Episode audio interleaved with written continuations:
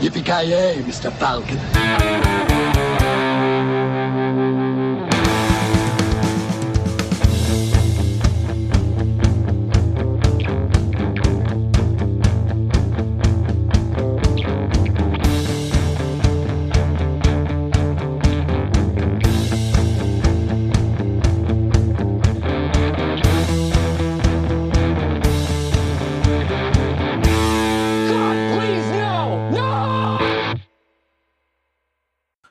Välkommen till Prime Time, säger vi då. Creative Melted Podcast. Samma tid, samma kanal som alltid. På bästa sändningstid, så att säga. Eh, detta är eh, Nightmare on Elm Street avsnitt igen, Dream Warriors. Eh, som vi ska snacka om. Och eh, för att eh, snacka, det handlar ju såklart om då Freddy Krueger som ni vet, och han är ju en sån här drömmars man. Och en annan man som finns i alla våra drömmar är Mr. Kent Wikström. God dag, god dag. God dag, god dag. Ja, what a rush säger jag bara. Fy fan. Ja, ja. Fy fan. Ja, allt hänger som det ska, så att säga. Ja, det, det vet jag inte, men eh, det, lä- läget är väl eh, under kontroll i alla fall. Eh, Själv. Eh, ja, det är väl åt helvete så man ska ju inte klaga. Det kan ju alltid vara värre. Ja, det är bättre än vanligt alltså. Ja, ja, fy fan. Vi ju fullspäckat här eh, med eh, Freddy Krueger action så att säga. Ja, vi hade, vi har ju också, innan vi går in på Dream Warriors så hade vi lite uppföljning från förra avsnittet. Eh, vi körde ju Vampires Kiss med Nicky Cage och eh, Nick, Micke Holma som eh, var, var en av många personer som tipsade om den filmen. Han hade någon video med Nicky Cage som han eh, länkade till oss. Vad, vad var det den videon handlade om? Ja, men det var ju Nick Cage och det här passar ju bra för vi ska ju snacka om Nick Cages exfru i, i den här filmen.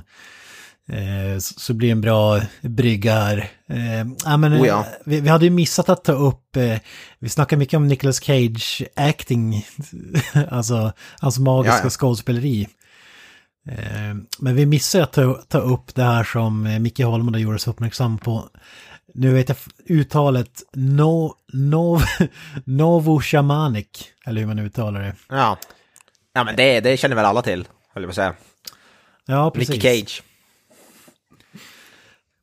Han har ju någon sån här eh, superteknik som han använder sig av som är väldigt eh, speciell. Eh, när han förbereder sig för alla roller och han har ju gått ut och pratat om det här i, i, vid olika tillfällen.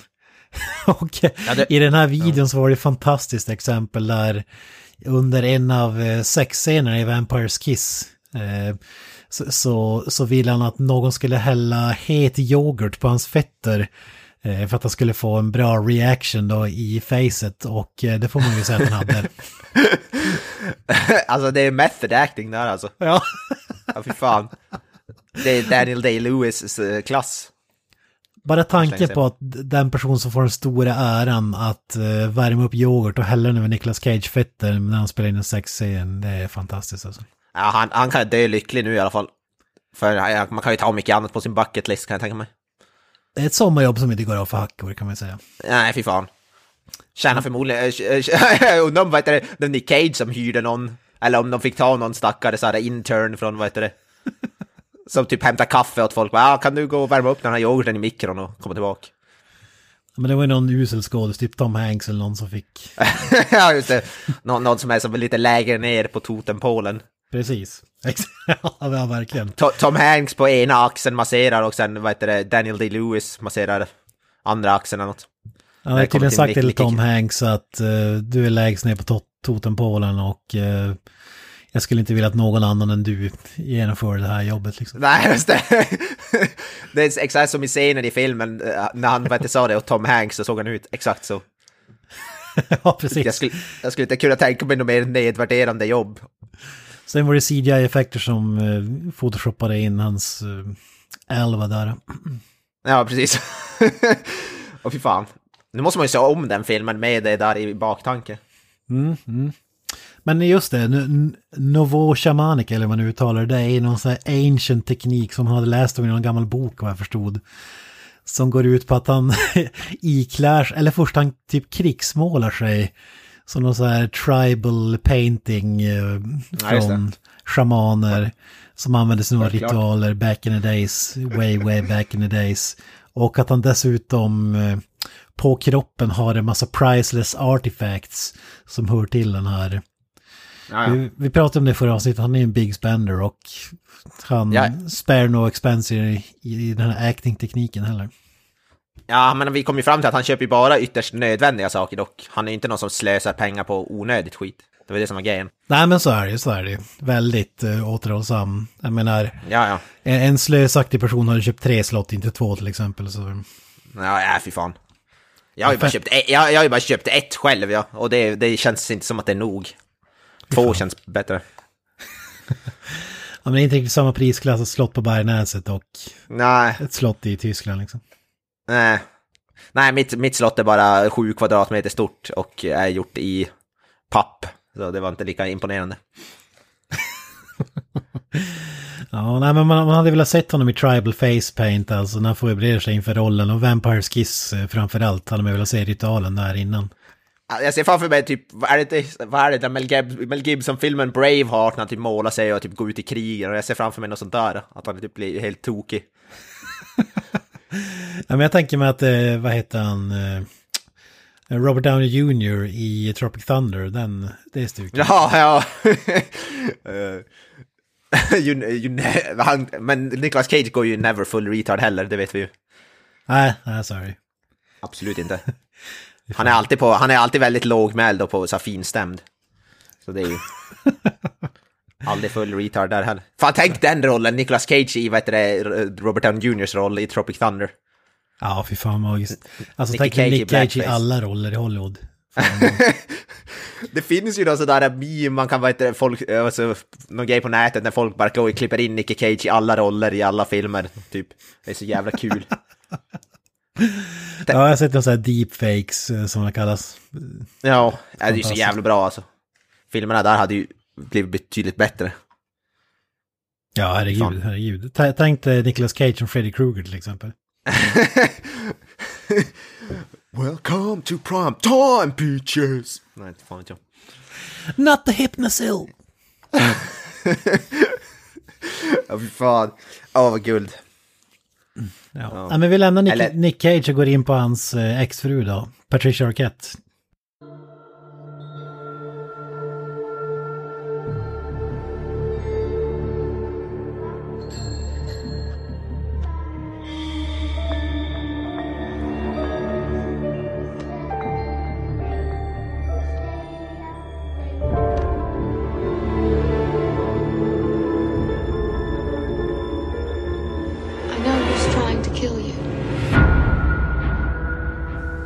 Wears a dirty brown hat. He's horribly burned. He has razors on his right hand.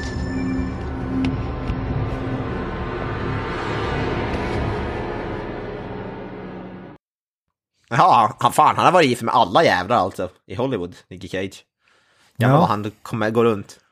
Så han har varit gift med Patricia Arquette också alltså. Det visste jag fan inte. Ja, ja. Ja, ja, fy fan. Ehm, vi, han, han har ju god smak. Han, är, han hade förmodligen sett Nightmare on Elm Street 3, eh, Dream Ja, ja. Warriors. Och Fell in Love. Ja, precis. Eh, det kan ju inte vara hennes acting han har för love with, men okej. Alltså Patricia Arquette, alltså vad är hon? Hon är känd för någon, hon hade någon serie för ett tag, för, för några år sedan som var hyfsat populär, så medium, eller vad fan det är, någon sån thriller, deckarserie typ. Ja, precis. Jag, jag har inte sett det, men jag har hört talas om det. Men framförallt så var jag med i Escape at Dannemora med Benicio Ja, del. Toro och så vidare. Där hon gjorde en helt eh, transformation. Hon är sjukt bra i den eh, serien. Man, Ja, I en sån där roll man inte kan fatta att det är hon som gör den liksom. Ja, det är ingen skådis man har jättebra koll på. Jag vet inte, hon är väl helt okej. Hon är mest en scream queen i den här filmen. Hon skriker ju mer än hon pratar, tycker jag. Ja, det är synd att, inte Kalle här, då kunde jag dra upp att hon är med i Boyhood. It took 12 years to make. Ja, just det. Nej, nej, jag har fortfarande inte sett. Ja, men hon är ju hyfsat, hon är väl en av de kändare namnen i den här filmen. Vi har ju även då Nancy, alltså Heather Langenkamp, kommer tillbaka från första filmen. Hon är ju också, hon är ju inte heller världens bästa skådis, kan man ju inte påstå. Hon är helt okej. Sen har vi Robert Englund så, såklart. Det största, vad heter det, eh, surpriset är ju kanske, vad heter det, Lawrence Fishburne, Ja, tyckte jag. Så, och som går under Larry Fishburne i den här filmen. ja vad fan, va- varför hade han det tror du? Ja, det var Skäm, kanske det han var. han för rollen eller var det alltså? Han var väl kanske inte så känd, han kanske var att höll på att finna sig själv. Han kanske inte visste om han ville vara Larry eller Lawrence. Jag vet inte. Vad hade han gjort Ja, innan det, här? Han var Larry, med, han, Larry, Larry var innan han blev känd och så här fisförnäm. Ja, no, precis. it's Lawrence. han ser med så brittisk dialekt. No, I prefer Lawrence. Vad hade han gjort? Han hade gjort Apocalypse Now var han med i tror jag. Innan det här, det vet jag. Men han har inte gjort jättemycket. Ja, men ändå en... Det är ändå mer än vad de flesta skådespelare brukar säga. Ja, ja. har gjort, liksom. Ja, Apok- Apocalypse Now är ju ganska, ändå ganska credit kan man ju säga. ja, ja, herregud. Fan. Men det, det var kung i alla fall. Jag, blev, jag var osäker på om det var han när jag såg den och såg texten. Vad fan, är det, är det Lawrence Fishburne? Eller är det bara någon som har jävligt likt namn? Men jag säger, han hade faktiskt gjort Death Wish 2 bland annat. Jävlar, okej. Innan, innan här, Ja. så han var ju liksom full Jag, jag, tar tillbaka, jag, jag tar tillbaka det jag sa. ju. Ja. Men- men det var ju, han är ju det kanske tveklöst kändaste namnet i Morpheus i Ma- Matrix för fan. Smal, en jävligt smal Lawrence Fishburne. Han har ju blivit lönnfet nu, nu för tiden. Precis, alltså han, alltså det, det är mer som att hela hans käkparti liksom förändras känns det som. Han ser så Ja. jävla liten ut i den här. Han kanske har dopat sig eller någonting, jag vet inte. Ja, alltså, han är ju typ rund i ansiktet nu som fan. Där var han ju typ med fyrkantig. Ja, det, det Fan, men som Lawrence Fishburns eh, son mer än... ja, typ. Vad fan är det inte, var inte han med i den här Predator-filmen där han spelar någon jävla avdankad snubbe som bodde under jorden typ och var tjock, lönnfet och grejer? Ja, det var kanske inte det han spelade, men det var det han var i alla fall. Predators. Ja, ja Predators precis. Samma i de här, han är med i John Wick-filmerna nu och då spelar han ju också någon jävligt lönnfet crime lord typ. Ja, Just det. Ja, ja det icke, att förglömma Batman v Superman. Dawn of Justice. Ja, just det, ja just det. Han är ju den här äh, tidningsredaktören eller något. Mm. mm. Ja, men han, alltså han, han, det han egentligen är känd för det är väl Matrix. Alltså, Ja, ja, ja, det är klart. Han har gjort är ju med- mycket, många så här klassiska filmer, men det känns som att folk förknippar honom med Matrix i alla fall. Ja, ja. Ja, det är ju, det är ju klart. Uh, Morpheus som sagt. Men det var, det var i alla fall awesome. Han, han gör inte så mycket, han gör inte så mycket väsen av sig i den här filmen kanske, men... Han har ju en av de tråkigare rollerna ändå i filmen, tycker jag. Ja, och han, han, han, han är bra tycker jag, men eh, som du säger, Ja, ja. Han, han, om man jämför med de andra får göra så gör inte han jättemycket liksom. Ja, det vill jag säga, han i den här Kincaid-rollen. Som vi kommer in på. Där jävlar, då jävlar. Jag hade velat säga gamla Lawrence Fishburne i den här rollen, inte den där. Fishburne. Ja, ja, gammal Lord Frisbee, ja. Fan vad kul det hade varit. Men vi ska kanske, vilken film vi pratar om, jag vet inte om folk eh, håller det, om vi sa det, men eh, det är ju Nightmare on Elm Street 3 i alla fall, Dream Warriors. Vi har pratat om eh, tvåan, Freddy's Revenge, också kallad Fab 5 Edition. Eh, och även den första pratar vi om i den här slasher-specialen.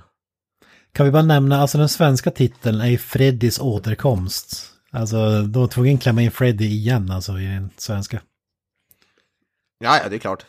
Men det, det kan jag ändå förstå att man klipper in för han, alltså det är han som säljer de här filmerna. Hade man inte haft det så... Så jag kan ändå förstå det. Du, du menar att det är som med Jason, man kan kalla det Jason Lives, folk, Jason X, det är det folk Ja. förknippar. Ja, ja. Ingen minns Elm Street men alla minns Freddy Krueger, lite så. Det är det till exempel... Jag kommer ihåg när de släppte, återsläppte första fredag den 13 på Blu-ray så hade de ju till och med Jason på omslaget, hans hans mask, även fast inte han är med i, i filmen. Och det är bara, det är bara mar- för marknadsföring liksom. Ja, ja, ja. Och det måste man ju ändå säga är smart, jag kan ju förstå varför de gör det till 100%. Var Hade man haft det- var det hade man haft det- i tvåan då eller? Nej, det vet jag faktiskt inte. Men jag tänkte, hade man en Pamela Voorhees, eller vad hon heter, mamma Voorhees på omslaget, inte fan ingen hade väl köpt den filmen då. Nej, det är sant. Gammal, gammal tant i stickad polotröja. Det är som att det skulle ha liksom en, en eh, 10 sekunders cameo, någon som är med i en film på hela jävla omslaget liksom. Ja, I mask. ja alltså jo, ja, jag kan förstå varför. Eh, men i alla fall, Dream Warriors. eh, det Men man vi- kan börja med är ju, är ju postern kanske. Den är ju fan intressant, eller? Precis. Ja, alltså den här postern är helt otrolig alltså. Mm. Ja, det är det vi, vi sa ju det, jag tror vi sa det i, i alla fall förra avsnittet med tvåan. Men de har ju jävligt snygga posters de här filmerna. Ja, genomgående typ alla filmer skulle jag vilja påstå. Ja. De är ju som lite, eh, jag vet inte hur man ska kalla det, för det är som inte bild från filmen, men det är som tecknat på något sätt. Må, som att någon har målat det så här konstnärligt lite grann. Ja, men det var, det var ju vanligt förr i tiden, 70-80-talet och sådär. Det var en, en tecknad bild ungefär, tecknad poster. Mm. Istället för ett uh, stillfotografi från filmen.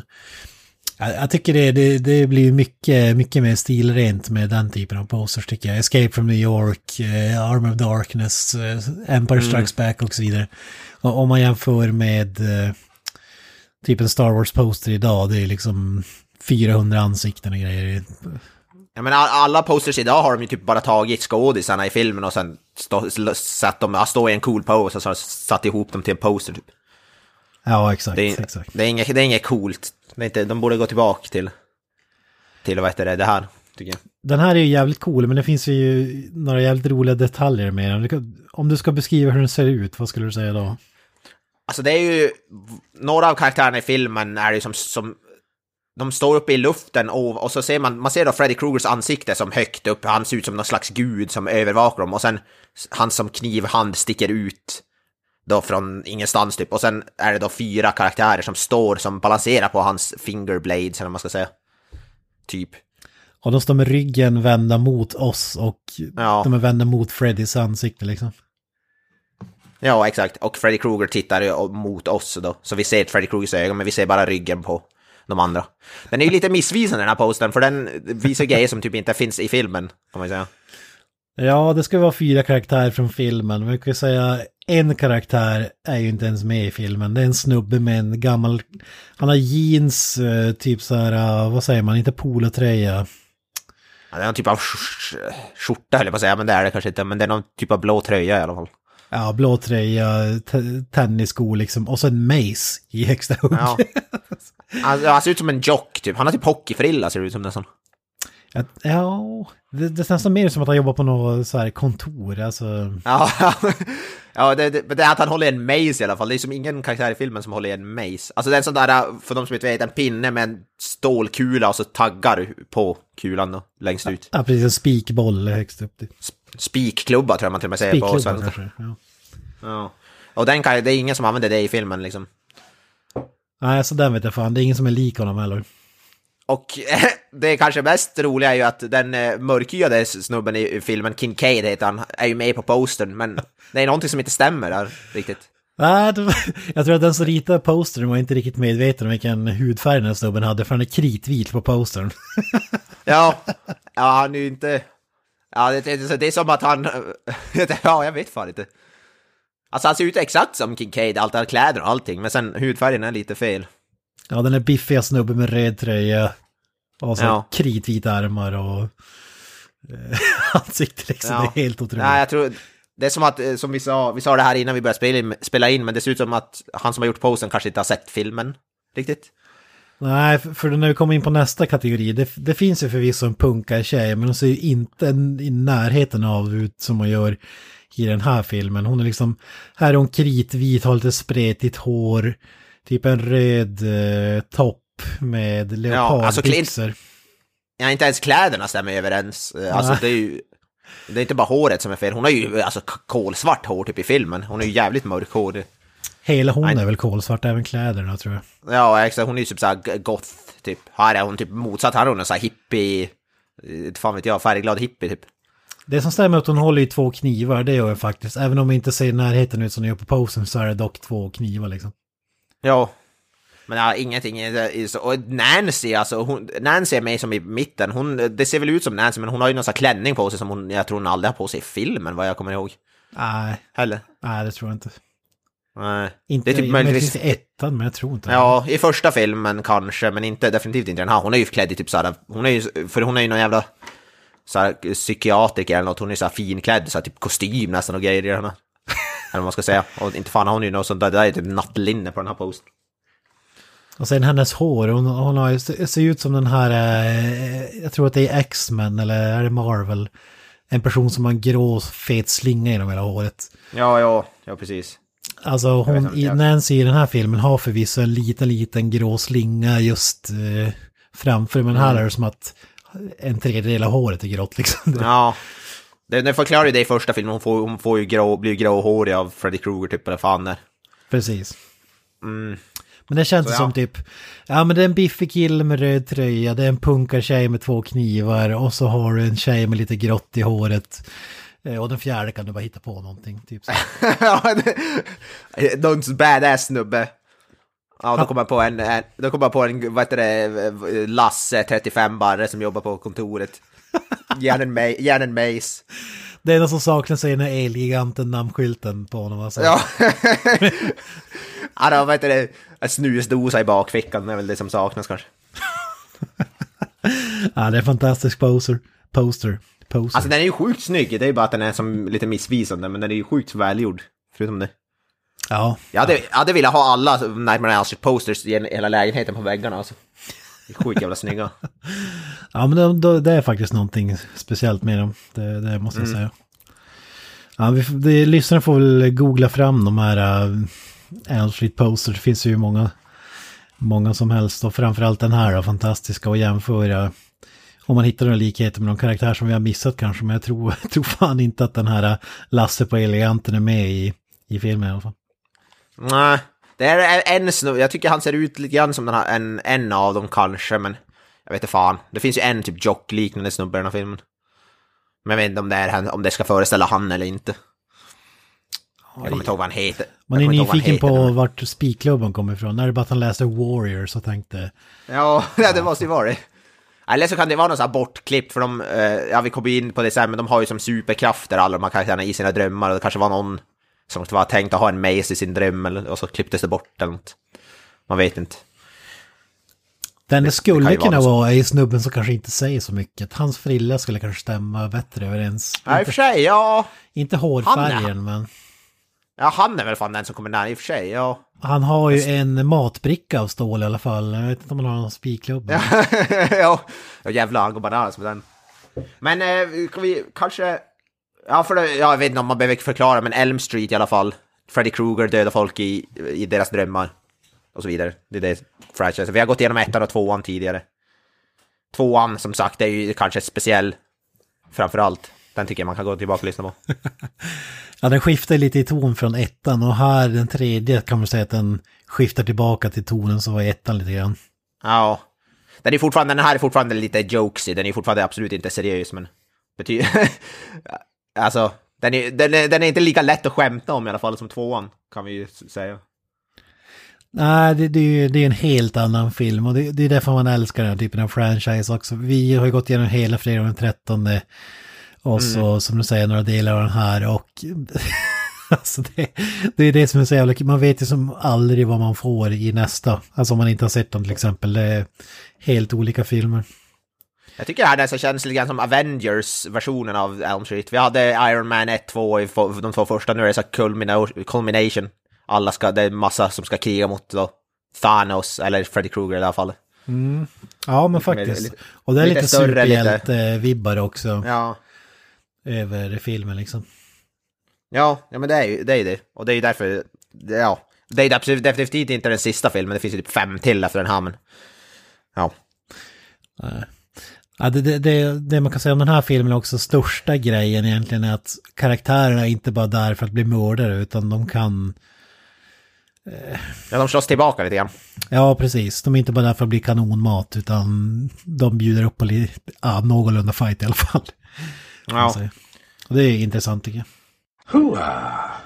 Hooah! Oh yeah.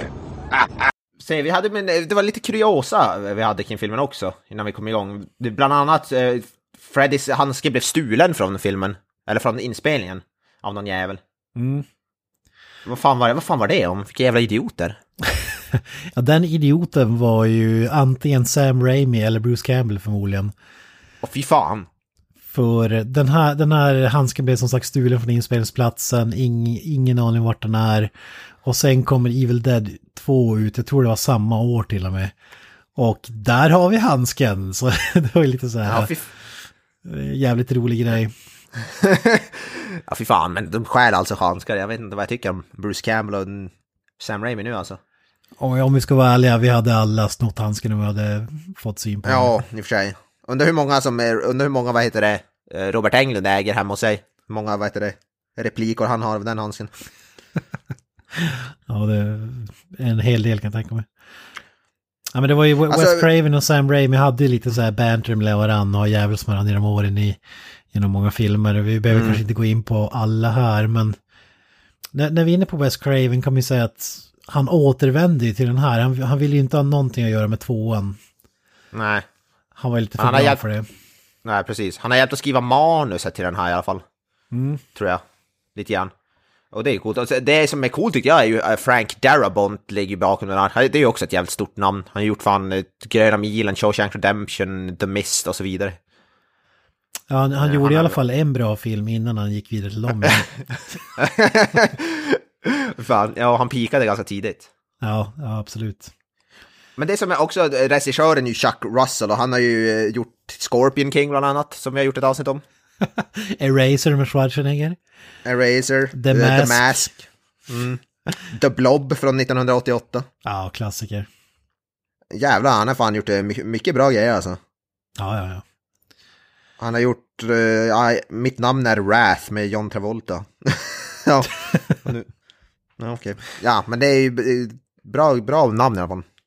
Men det, det var ju det som var så sjukt för att Wes Craven var ju liksom tveksam till fan Ska jag verkligen, då, han har ju sagt typ, då, då vill jag att det ska vara värt att återvända och ska det, vara, ska det vara en film som liksom är värd att återvända till om man ska lägga ner energi för att han trodde liksom inte på det här med uppföljare och så vidare. Han ville bara göra en film och gå vidare.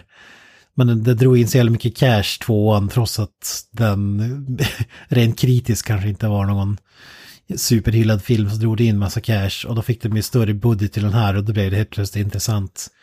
Men lite bittert ändå att han liksom skriver ett manus och så sen lämnar de över det till, det var väl två personer, eh, tror jag, en av dem var ju Frank Darabont då, som skrev om typ hela filmen så det var lite intressant. Ja, det är typ många som ligger bakom manus på den här. Om du går in, om du går in på, om man kollar på writers, alltså screenplay, det är Chuck Russell då, eh, sen är Frank Darabont, Bruce, en snubbe som heter Bruce Wagner, Wagner, det är någon författare typ, och så, så Wes Craven då också. Så det är fyra personer som har varit inblandade i manuset på någon nivå i den här filmen. Det är inget ovanligt kan man säga, det är jävligt vanligt. Nej, nej, det, nej, det är det ju inte, men, men ändå, det är ju en så pass, en slasherfilm, så pass liten film ändå som inte är så jättekomplicerad. Kanske, det är ju inte, det är ju inte vad heter det, The Irishman vi pratar om liksom. Ja, men jag tror att den, den är som en blandning av alltihop också. Alltså, det är en blandning av första filmen, det är en blandning av den här komedin, det är en blandning av one-liners, det är en blandning av... Och så är det lite nytt och det här med superpower som vi kommer in på senare. Så jag kan tänka mig att det, det blev lite så här uh, Bohemian Rhapsody av det hela. Ja, ja, det är lite grann så. Eh, ja, men ska vi hoppa in kanske i själva filmen då? Nu har vi gått igenom eh, handling och rolllista och så vidare och så vidare. Eh, jag kan ju dra eh, handlingen kort i alla fall, som, sen går vi in lite mer på enstaka scener, men handlingen i Dream Warriors är i alla fall, det här handlar om några eh, ungdomar på ett mentalsjukhus då, som har, alla har problem med drömmar, mardrömmar, och alla drömmer om då samma snubbe som, ja, det är väl ingen tvekan om vem det är. Och de, ingen av dem vill sova och det gör att de alla blir tokiga typ. Och de, är då, de har så här gruppterapi och så vidare och så vidare. Eh, och det är väl det som, och sen kommer då Nancy för att hjälpa till på det här. Hon kommer in som någon consultant eller något. För att hon har ju, vad heter det, erfarenhet med det här då, såklart. Och det är själva handlingen då. Eh, Freddy Krueger vill ju... De, är, de här barnen är eh, last surviving members of Elm Street, typ. De här barnen kommer från Elm Street, eller deras föräldrar kommer från Elm Street. Får man veta. Och eh, han vill ju döda dem såklart. Och ja, det är det som är själva handlingen. Ja, precis. Den utspelar sig inte på Elm Street utan på det här... uh, Mentalsjukhuset, ja. Ja, det är det Precis. som är intressant. Mm. Ja, det är förvånansvärt mycket handling för en slasherfilm, men kanske Elm Street-film Ja. också. Det är det man gillar liksom.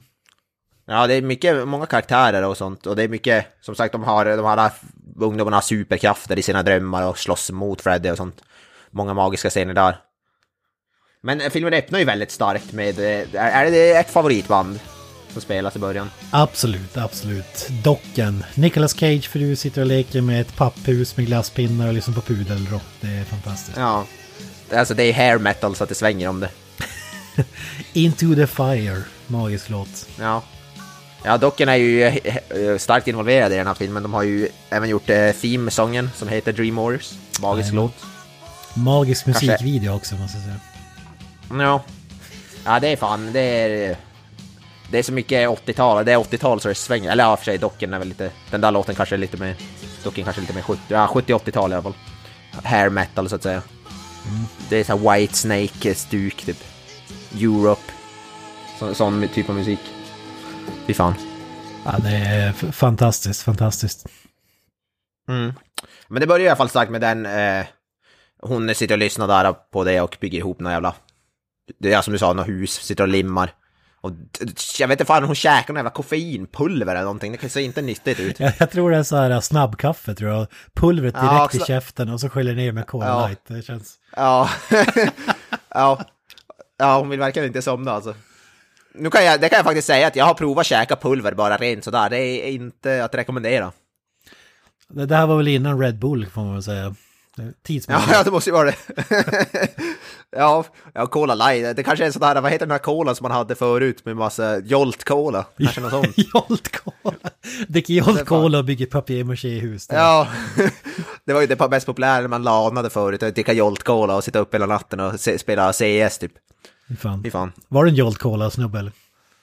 Nej, faktiskt, jag har faktiskt aldrig varit det, men jag hade många, kände många som gillade Jolt Cola. Ja, det känns Blev som ledsen när den försvann. Jag är nästan lite besviken att du inte var det. liksom. Ja, ja, jag är nästan lite. Men det är i alla fall, ja, nej, ingen Red Bull i den här filmen i alla fall. Men alltså om man skulle hålla sig vaken, hade man tagit en light-dryck då? Alltså då hade jag gått på riktig cola i alla fall. Ja, ja, jag vet fan inte. Jag hade, nog, jag hade nog bara tagit pimpla kaffe över, över, överhuvudtaget. Men det var för kaffe på, eller Coca-Cola på den tiden kanske hade mer koffein, jag vet inte fan vet jag. Nu känner man inte, känns det inte som att cola är någonting man dricker för att bli pigg. Jag vet inte. Ja, det är fantastiskt. Det säger mycket om hur badass hon är också, liksom kaffepulver direkt i käften. Ja, ja. ja, hon är ju bad- badass, Det hon har ju varit gift med Nick Cage, så Nick Cage väljer ju bara, vad heter det, sina damer väl så att säga. Det känns ju som en sån här novo shamanic eh, ritual. Kaffepulver. ja, hon har säkert lärt sig det av Nick, eh, Nicky Cage. Hon kanske hade träffat Nicky Cage innan hon spelade in den här scenen. Hade ge- gett henne acting tips. Vi har så mycket gemensamt. Vi har läst den här boken om eh, acting. Ja, precis. Hon kanske har samma acting method. Man vet, vem vet? Ja, fan. Eller så kanske det var att han eh, fastnade för morsan här som drar... Arquettes morsa har ju en one night stand. Ja, hon är hon, hon, eh, hon, hon, hon kanske också häller varm yoghurt på sina fötter, vem vet? ja, men hon kommer ju in, eh, vad heter det? Eller varm bourbon. där. får man säga. Ja, varm bourbon, ja, det är bra det där. Where did you, where did you keep your bourbon? Hör man från nedre våningen. Ja, hon är ju någon sån här Ja, lite... Jag vet inte vad man ska kalla det. Hon gillar att hon tar sig runt, så att säga. Ja, hon är promiskuös kanske. Ja. Men Hon, det är... hon prioriterar det högre. Hon prioriterar det get laid för att umgås med sin dotter och att hon Ja, har ja. psykiska besvär. Det, det går, kommer i andra hand. Ja. M- m- Dotter är självmordsbenägen och kan knappt eh, hålla sig vid liv. Men morsan bara, nej fan. Här måste man få sig lite salami. Ja. Bourbon och salami. Vilken jävla kväll alltså. Ja, ja. det är hel kväll. Men det är inte så mycket intressant i den serien, det är väl just det där med dockor och det som är badass där. Eh, sen kommer vi ju till, vad heter det, det här psyksjukhuset. Small Lawrence Fishburne. Blev det mindblown där eller? Men ska vi inte ta den här... äh, Alltså när hon, när hon somnar, det är ändå ganska cool scen. Ja, just det. Sänggaveln och så har du huset. eh. Ja, ja, precis, ja. Ja, ja det kan vi, ja, vi kan klippa bort. Eh, ja, men eh, hon, vet du, så, hon lyckas ju ändå inte hålla sig vaken, hon somnar ju. Och hon hamnar... Vad fan är det? Hon börjar, vad heter det, hon hamnar typ i vid huset, första huset från första filmen, vad fan det är. Hon typ... Ja, precis. Det är ung- ganska coolt gjort. hon, hon, Ja. Man ser typ sänggaveln så zoomar hon ut. Då är det som att sängen står utanför Nancys hus i första Mm, filmen. exakt. Och så är det en massa ung, ungar då som hoppar hopprep och vad heter det, sjunger den här ramsan och så vidare. One, two, Freddy's coming for you och så vidare. Mm, mm. Klass, klassisk bedroom. Men hon följer efter någon unge då in i, vad heter det, eh, in, in i Nancys hus. Och ja, det är ju inte så smart kanske. Creepy jävla unge som på någon jävla cykel typ. När hon säger typ, gå inte in där och så, och så ska hon rädda henne. Och så, Ja, så jävla coolt för vi ska givetvis down in the boiler room. Alltid down in the boiler room, ja. Och sen ungen bara Freddy, vad är det hon säger? Freddy's home, typ. Ja. Ja. Nej, det, det är faktiskt, eh, den är faktiskt bra. Bra gjort det där. Sen finns det en sjukt verklig docka som eh, Patricia Arquette springer men det ska ju vara den lilla tjejen som att hon flyr Ja. från Freddy. men det är ju 2000% en docka som hon springer med. Liksom. alltså man ser det, alltså just när hon tar upp hon kanske i någon sekund, men sen när hon börjar springa så ser man ju, alltså den är alldeles för stel för att vara en, vad heter det, verklig människa. Fast det får ju sen en förklaring, den får ju se en förklaring ändå som man kanske, som kanske, det kanske var medvetet. För det visar sig att ungen är inte en unge längre. Nej, precis. Eh, Let me down, you're hurting me! Och så, så kollar hon ner och så håller hon då i ett bränt skelett i princip. Ja. ja, det är fantastiskt. Det är, Skelett ja, med det är ju liksom. ja, det är ju sjukt bra. Fan vad vi, vi hade mycket bra praktiska effekter i den här filmen alltså. det, det är lite Armor of Darkness eh, över den eh, scenen. Jag, jag gillar den alltså. Ja, ja, ja, fan. Det är mycket sånt i den här filmen. Men sen, eh, vad heter det, kom hon ju då, då hon, vad heter det, hennes morsa blir väl less på allt det här problemet och tar, checkar in hon på det här jävla mentalsjukhuset.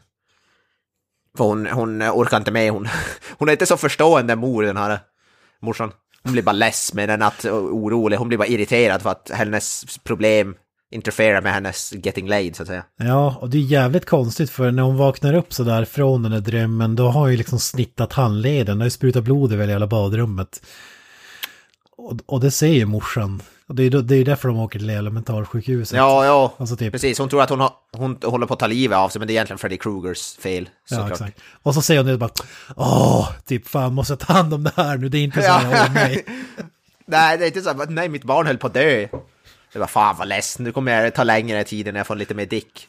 Och nu måste jag skura badrumsspegeln också. Typ. Ja, fan. Nu kommer det ta längre när jag kan få på mig allt makeup för nästa dejt.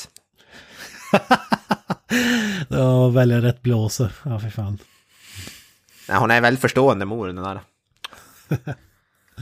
Och, och som sagt, checka in henne på det här jävla mentalsjukhuset. Med Laura, La- Larry Fishburne, Lawrence Fishburne. Ja, skinny ass här- Larry Fishburne. Ja, en av, han spelar någon orderly, någon sådär som bara, han är lite bundis med dem som är där också. Det gillar jag, det så här sam, samspelet mellan dem, där Larry, Larry Fishburne och alla de där. Mm, De, de är lite såhär bundisar. Ja, han, han håller koll på dem. Han är, man säger att han är en sån här vårdare, men han bryr sig ändå om dem som typ Ja, ja. polare eller, eller vad man ska kalla det. Ja. ja, det gillar man, det är faktiskt bra. Och det finns massa, då, man, då får man ju träffa alla de här intressanta karaktärerna. Vi har ju bland annat eh, King Cade till exempel, stora biffiga, som inte är vit, som vi fick, eh, posten fick oss att tro. Det är fan whitewashing på den här jävla postern alltså. Ja, fy fan. Så här högljudd, jävligt biffig. Eh, han ser lite grann ut som, eh, du påpekade, pe- påpekade det här innan vi började spela in, men eh, Ki, vad är det, Keenan Kell, jag vet inte vem av dem det är han påminner om, men påminner lite grann om han. Ja, jag vet inte heller vilken av dem det är, men den kraftiga av dem i alla fall. Kanske är samma skådis, vem vet? Ja. Kincaid, ja, vilket namn också. Kincaid. Ja, Kincaid, han är sjukt badass.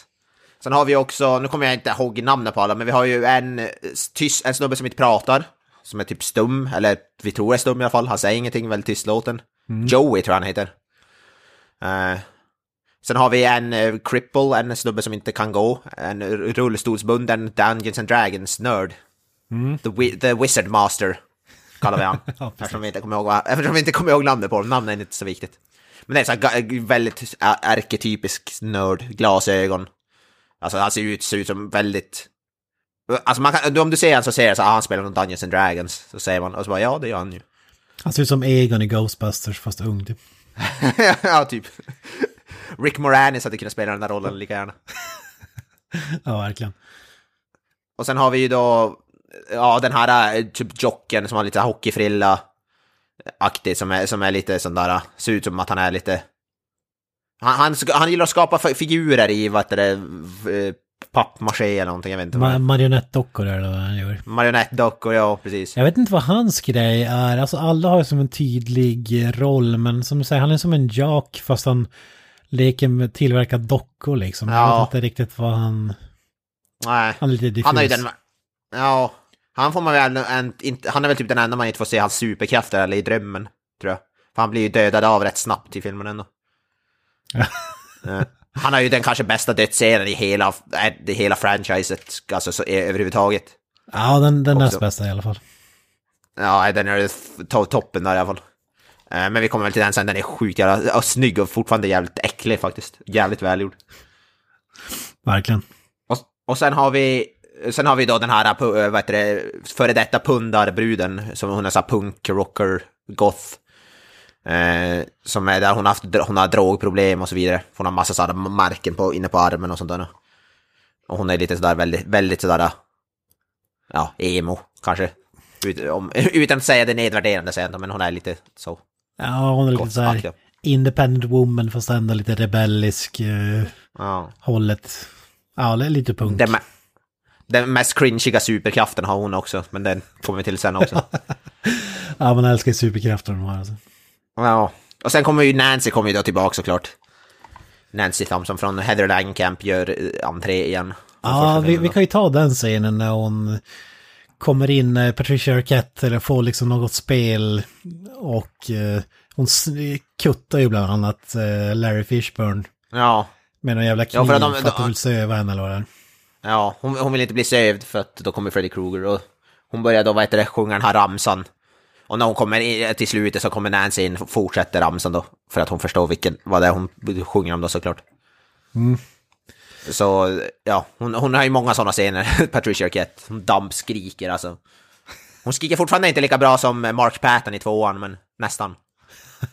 Jag såg så här behind the scenes-klipp från den här filmen. Och Ja. det är så jävla många tagningar. Det är ganska stora specialeffektscener här. Hon skriker ju så att hon tappar rösten. Alltså det är helt otroligt att hon har röst kvar. Och kan spela in hela filmen. Alltså för att det är så många omtagningar. De bara gallskriker. Ja. Alltså det är helt sjukt. Ja, hon har ju, hon har ju, hon har ju bra skrik, hon är så här scream queen. Så det måste vi ge, hon, hon, det är faktiskt... Ja, det, sagt, det är inte så här, vissa kan ju vara så här enerverande, helt överdrivet så man blir bara håll käften, men så är inte hon tycker. Nej, jag tycker hon ändå faktiskt gör det rätt bra. Hon är faktiskt, jag, jag sa ju tidigare att hon inte är så bra, men, men hon är inte, hon är inte, absolut inte dålig i den här filmen. Det finns sämre. Eh, men eh, som sagt, Heather Langenkamp eh, har jag inte, aldrig varit ett jättestort fan av till exempel. Men hon gör ju entré i den här filmen också. Ja, det är ändå lite Mm. kult, men det märkliga här är att Nancy is back, men hon dog ju i den första filmen, i absolut sista scenen där. så jag vet inte fan. Eh, när de kör iväg med bilen. Ja, ja, ja, det var väl lite så här öppet för tolkning. Man tror att hon blev fångad och död av Kruger, men kanske var, man vet ju inte om det var, om det hände eller inte. Alltså Vi vi, vi får aldrig se liksom svar. hennes likliga död så, men Nej. det är ju utan rimligt tvivel ska jag säga att hon blev mördad av Ja, Freddy i det är slutet det man där. tror. Men det visar hon blev inte i- mördad utan hon har utbildat Nej. sig till psykolog. Och i tvåan sa de liksom att, eh, vad är det, she, she was crazy and run away eller något sånt där. Men det var ju inte Ja. heller. Nej, det, de har, har inte så, de har inte så mycket kontinuitet i de här filmerna, men ja, vad fan. ja, men man, man älskar ju det, man älskar ju det. Ja, ja. Utbildad kom i- psykolog liksom, expert Ja. på den här typen av grejer. Ja, hon är expert på sömnproblem eller vad fan hon säger. Och ska väl hjälpa till. De, har inte, de kommer ingen vart, för ingen av de här läkarna på det här boendet tror ju på dem. Det här med Fredrik Krueger, de tror ju bara att det är... Ja, det är bara, ett, det är bara någon masspsykos tror jag de kallar det, eller något sånt där, för att de drömmer om samma snubbe. De är ju inte så hjälpsamma, ingen av dem. Ja, det, det finns ju en doktor där också som... Ja, han, är, han är väl den som blir lite mer hjälpsam kanske. Ja, precis. Det finns en surkärring som bara tycker allt är bullshit och bara gnäller och hon finns ju bara där för att det ska få folk ska dö. Eh, hon, hon vill typ söva ner alla hela filmen hela tiden. Hon, hon, hon, påminner mig om den här, sur, den här kärringen från Gökboet eller vad det är, är det inte där någon sån här sur jävla, Ja, vad heter det, en- en sjuksköterska som bara är jävlig mot alla typ. Ja, ja, lite så var det. Ja. Men är Nancy tappar ut en burk med Hypnosil och vad är Hypnosil? Eh, Dröm, eh, drömpreparat, som, det är ett preparat som, den är ju, vad, vad säger de? Det är ett så experimental drug är det. Det ska förhindra drömmar. Alltså. Ja, förhindra drömmar. Den är väldigt experimental. Den kommer, jag tror den är med senare i serien. Den är i alla fall med i Freddy vs. Jason. vet jag. Exakt, exakt. Har den en stor, Mm. där är en stor grej i den filmen liksom. Ja. Eh, och den ska ju, vet, men de vill ju inte prescriba den för att den är, kan vara farlig och så vidare. Det här med dröm, suppressa drömmar, det är ingenting man ska leka med tydligen. Det låter ju jävligt farligt alltså. Ja. I och för sig, du borde ju vara tvungen att fucka med hjärnan på något sätt. Jag vet inte exakt hur ett piller Ja. kan stoppa drömmar, men det är experimental så in i helvete. Hur fan, då, hur fan ska vi då ha alla våra Nicky Cage-drömmar, tänker jag? Våta drömmar om Nick Cage. Ja, exakt. Het yoghurt och Nick Cage, det går inte. Och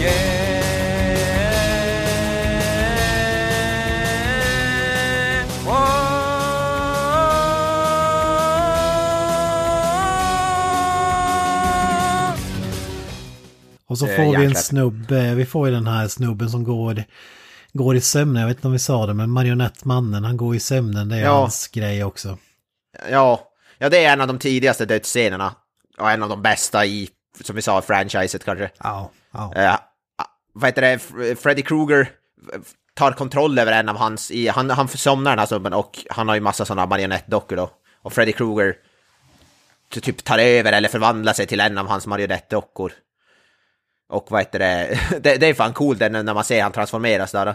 Som han skär loss de här trådarna och hoppar ner på golvet typ och, och så vidare. Ja, det är som någon slags claymation-grej Ja, han gör. så, så stop motion, det är fan sjukt snyggt.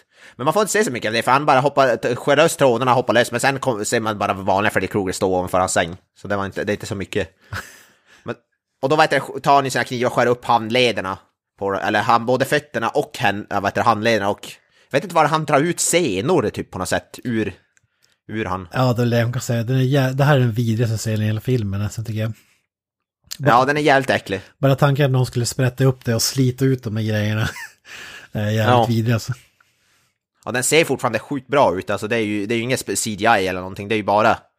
Jag vet inte ens hur fan de har lyckats göra den här scenen, alltså det, var, det måste vara jävligt mycket, vad heter det, prosthetics och grejer på den här snubben. Och att han ska gå och röra sig på ett speciellt sätt, och det måste varit jävligt svårt. Filma den här scenen. Ja, det, det är praktiska effekter genom hela filmen. Nu får ju li, lite grann eh, CGI Ja, lite när, han, när han ja. helt plötsligt går genom en fucking låst dörr. Jag vet inte riktigt hur- vad fan Ja. som hände där, men...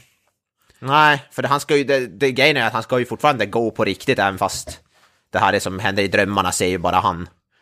Så det vet jag inte, det var någon sån där weird grej. Ja, precis, för det är en... Eh, Kincaid, han vaknar ju till för att han hade ju bett honom, ja men väck mig om jag går i sömnen igen. Ja. Och så ropar han på honom och så, vad fan är han säger? Eh, Have a nice, have a nice stroll asshole. Ja. Han gör, inte, han gör inte så seriöst försök att hjälpa honom, det är som bara äh, gå och lägg dig, gå och lägg dig. Ja, okej, Ja. fuck you. Vad kul, jag ska fan sova. Eh, och då, ja, men han, Freddy Krueger kontrollerar ju han som en sån här puppet-docka, med, alltså marionettdocka, håller ju hans senor som, som så strängar då. Kontrollerar hans armar och ben. Och det är det som är så vidrigt, han går ju så här jävla rycket och... Ja, det ser jävligt äckligt ut alltså. Ja, Och han ledde ju upp han till något eh, högst upp i där i något kyrktorn eller vad, klocktorn eller vad fan det är. I det här alltså det ser verkligen ut som ett klocktorn och slag, men jag vet inte fan vad det är, alltså med något slags torn. Nej. Ja, och då vet det då vet det, står han ju som i fönstret på det då på något sätt, jag vet inte vad det är.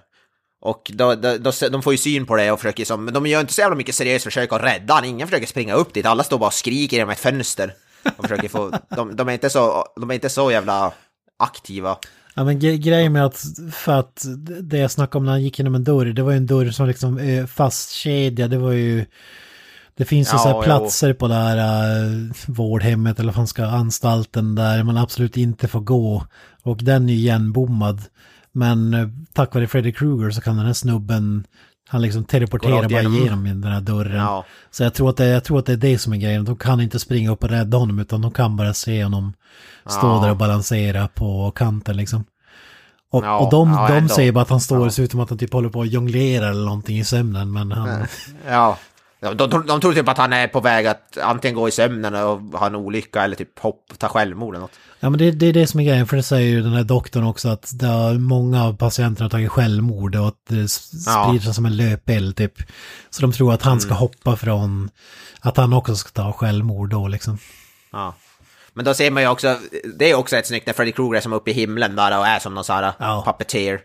Det är så sjukt coolt och sen tar han och skär, skär, loss alla trådarna bara trutt, och så ramlar han ner. Ja, jag älskar den här scenen så jävla mycket, jag tycker den är fruktansvärt bra. Ja, det går inte att göra den rättvisa, alltså den är riktigt grym alltså. Sjukt att den filmades fortfarande- 1987, för jag tycker det ser sjukt Ja. bra ut alltså. Ja, nej det finns, alltså det är ingenting som är föråldrat med den scenen, förutom där han går genom väggen, eller dörren men förutom det så är den, alltså... Ja, ja, det är genomgående för hela filmen faktiskt, specialeffekterna, men just den scenen. För den är både så här obehaglig, rolig och jävligt bra gjord, alltså som allting på samma gång. Jag, kan inte, jag vill verkligen se, jag skulle vilja se behind the scenes som de gjorde den scenen, hur, hur det ser ut. Jag, jag kan inte riktigt förstå hur de, alltså om det var någon som på något sätt... Ja, men Alltså, de, de skar ju upp honom på riktigt trådarna. och drog ut scenerna och så... Ja, ja precis, ja. ja. Han är method actor den här snubben alltså. Ja.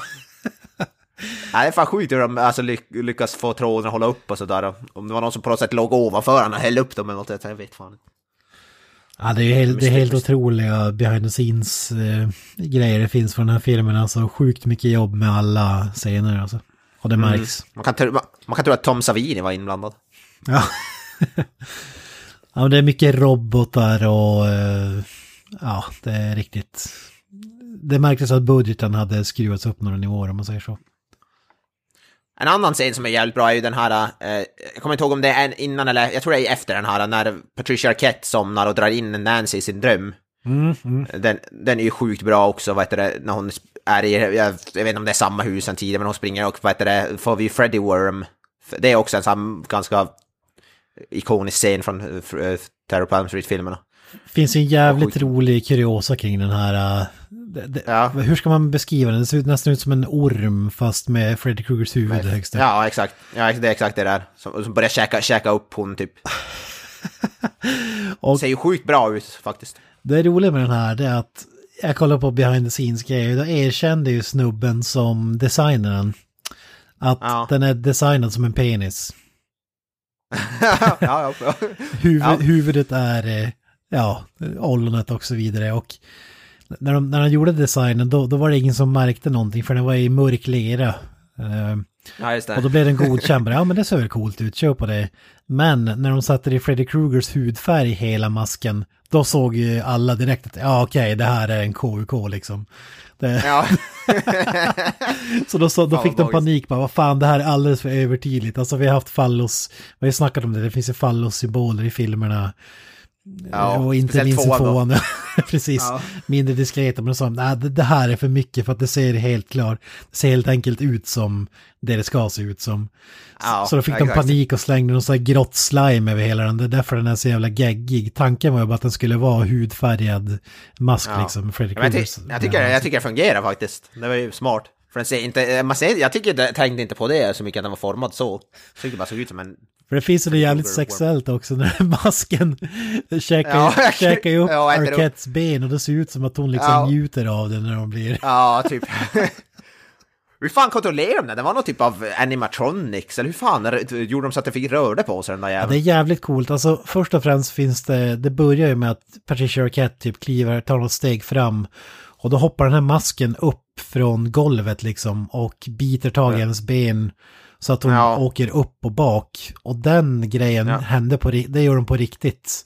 Alltså de har, Ja. de har en stor gummifälla som, så när hon kliver på den då skjuter den upp och hon åker ner på en madrass då, men det får man inte se i, Nej, nej, i filmen. Så hon gör ju alla de här hoppen, hon fick göra dem typ, hon skriker ju varje gång att de gjorde det typ så här sex, sju gånger, den, det hoppet bara, Ja, ja, så det är sjukt mycket jobb. Och så sen fick de göra, eh, när, när masken ligger på golvet och liksom käkar upp henne, då fick de spela det baklänges tror jag det var, för att det skulle se normalt ja hon ut. krälar typ ut ur den på något sätt. Ja, precis. precis. Och sen spelar de det baklänges. Ja. Alltså det är animatronics och grejer, så det är sjukt mycket Ja. jobb med den här scenen alltså. ja det är cred till hon då, Patricia Arquette. Hon gör mycket stunts och grejer ändå. Ja, ja, ja. Måste jag, måste jag säga. Det är fan impon- imp- imponerande. Och så sk- ska hon skrika samtidigt och, och så vidare och så vidare. Och de, eh, Robert Englund, de misstänker var inte ens med i den där scenen förmodligen överhuvudtaget. Nej, nej, så är det. Nej. Det är faktiskt rätt mycket, mycket sådana scener där, alltså han, Robert Englund är ju såklart med, men det är ändå mycket där Freddy Krueger inte är Freddy Krueger så att säga. Det är mycket sådana som den där puppeteer-scener och sådär. Han för, mycket så förvandlar sig till olika grejer typ. Ja, Det ja, är, jäklar. mm, det är coolt. Ja, det, det, Sen har den vi ju- är riktigt eh, cool som du säger. Ja. Man kan bara nämna Ja, innan den här, så kan jag bara nämna en grej som comes into play later. Det är att den där doktorn surfar på en dator från 1800-talet. Eh, ja, ja. En jävligt gammal dator. och så hittar en slags Word-dokument som jag, jag vet inte om det är på internet eller vad fan det ska vara. Ja, vet fan, fanns det, fan, det här var ju på upp det, det var ju knappt att internet fanns för när den här filmen kom ut. Alta Vista gavs ut på säger vi. Ja, ja, typ. Och då hittar jag ju information om Hypnosil och läser på om den här medicinen för att han såg att Nancy hade den. Ja. Eh, Och att den gör att folk slutar drömma och så vidare. Ja, exakt. Ja, det är en sån här Mac Macintosh, Pentium med 3 megabyte i hå- hårddisk eller något. ja. Imponerande, imponerande datorn. Och hur Arquette tar sig ur den här maskscenen då, det är ju som du sa, att hon drar in Nancy i sin dröm och det visar sig att det är hennes superpower, att när hon drömmer kan hon ta in sammankoppla folks drömmar så att de hamnar där hon är. Så om hon drömmer om en Ja. ö på Hawaii, då kommer, då drömmer du också att du är på en, i samma dröm, liksom, Ja. kliver in i Då hennes kan, hon dra in, då kan hon dra in Günther där med en pina colada. Elvis och så vidare. Ja, Elvis. Ja, ja. Ja, hon drar in Nancy som stäbar den här uh, Freddy Wormen i ögat där väl. Och sen slänger den därifrån och så vaknar de. Ja, exakt. Ja, sjukt bra scen den scenen också. Jävligt bra faktiskt. Det är så jävla kul också när de säger bara ja, hur länge har du vetat om att du kan ta in andra folk i dina drömmar? Ja, jag brukar ta in min farsa när jag dröm, hade mardrömmar när jag var liten. Och, men typ, Ja, så jävla kul. ja. Ja, det, jag vet inte om hon hade nära relation med sin far, men det ska vi inte gå in på. Ja, Jesus Christ, vi, vi lämnar den därhän. det lä- lämnar vi till psy- psykiatrikerna så att säga. Exakt, exakt. Jävligt smart idé ändå tycker jag, det där med att just att dra in andra folk i drömmen och så vidare. Det blir ju, annars har, i tidigare filmer har det bara varit helt enskilda drömmar. Ja, Och så måste du hitta ett sätt på att dra in Fred i verkligheten för att kunna vara flera på samma ställe. Men här, det är en enkel men smart lösning tycker jag. ja, ja de, de hade ju inte kunnat ha det i den här filmen. Det här är en ensemble-film. Som sagt, det är typ Avengers. De kan ju inte ha bara en slåss mot Freddy åt gången. Nej. Även fast det blir, det blir lite så i slutet ändå, för Freddy som tar ju dem en och en ändå där, men de är som ändå i samma dröm, det är bara att de blir som separerade lite. Ja, det är som Fast and Furious, it's about family och teamwork. ja, precis. Fan, Fast and Furious kan lära sig om den här filmen alltså. Scream for me, Long Beach! Scream for me, Long Beach! De har ju någon slags eh, AA-möte-aktigt där de liksom berättar om sina problem och Nancy är ju som någon slags, vad fan kallar man det när man ska få någon att sluta dricka sprit? Intervention, eh, Ja, ja, precis. när de be- berättar om sina problem och så vidare. Och bland annat är den här surkärringen med eh, och Ki- Kincaid, han är ju så jävla skeptisk. eh, Alltså hon, hon, den här kärringen säger typ, ja men hur länge ska ni skylla era svagheter på era drömmar, typ ta tag i ert liv ungefär. Och så säger Ja. Kincaid, eh, how much, how long are you gonna blow smoke up our ass? Ja, just det. och svaret är ju tillräckligt då- länge för att några ska dö. Sorry. ja, precis. är det inte i samma scen också där de pratar om att de har något så här, det är någonting med sexualitet att göra eller något sådär, då, alltså, de måste ta itu med sin sexualitet och sen säger Kincaid bara, oh, right, okay, so now it's my dick that's killing me. Det tycker jag är skitbra. Så jävla bra alltså. Ja, ja fan, han är fan kung Kincaid alltså. Ja, Kincaid är king. Måste nästan ge shoutout nu, uh, skådisen Kincaid, det är ju vad heter det, Ken, Ken Sagos, Sagos, eller något sånt där, med i uttal, vet fan. Han är även med i nästa Elm 24 som Kincaid. Någon liten cameo eller något. Han gjorde sin karriär på den här magiska ro rollen. Ja, ja, ja för fan. Han har varit med i mycket, The Bernie Mac Show han varit med i. Fy fan. Ja, det är en, eh, det är en, det är en kvalitetsskådis. Han är riktigt chef. Alltså vi har ju, man får lite vibbar från andra filmer. Han, han är ju lite eh, lagd åt det hållet samtidigt som han är jävligt eh, maskulin och biffig och liksom burdus. Ja. Lite svårt att veta exakt vad han ska vara. Ja, han är ju jävligt stor alltså. Stor som byggd som ett jävla vedahus eller vad man ska säga. En lada. ja, för fan. Men eh, en, nästa dödsscen, det är väl kanske också en av de här infamous. Ja, fy fan vad jag älskar den scenen. Alltså, k- kan ju inte bara den bästa slasher-scenen någonsin, det kan vara bästa scenen någonsin, alla kategorier.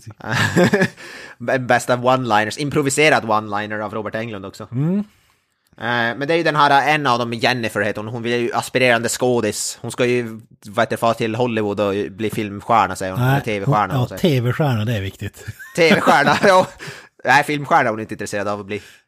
Och det skämtar ju alla om henne, alltså de gör ju bara narr av henne att hon ska bli det. Från, ja. Men hon i alla fall är ju i där, nå- de har något breakroom eller något, något chillrum där de sitter och ser tv och sånt där.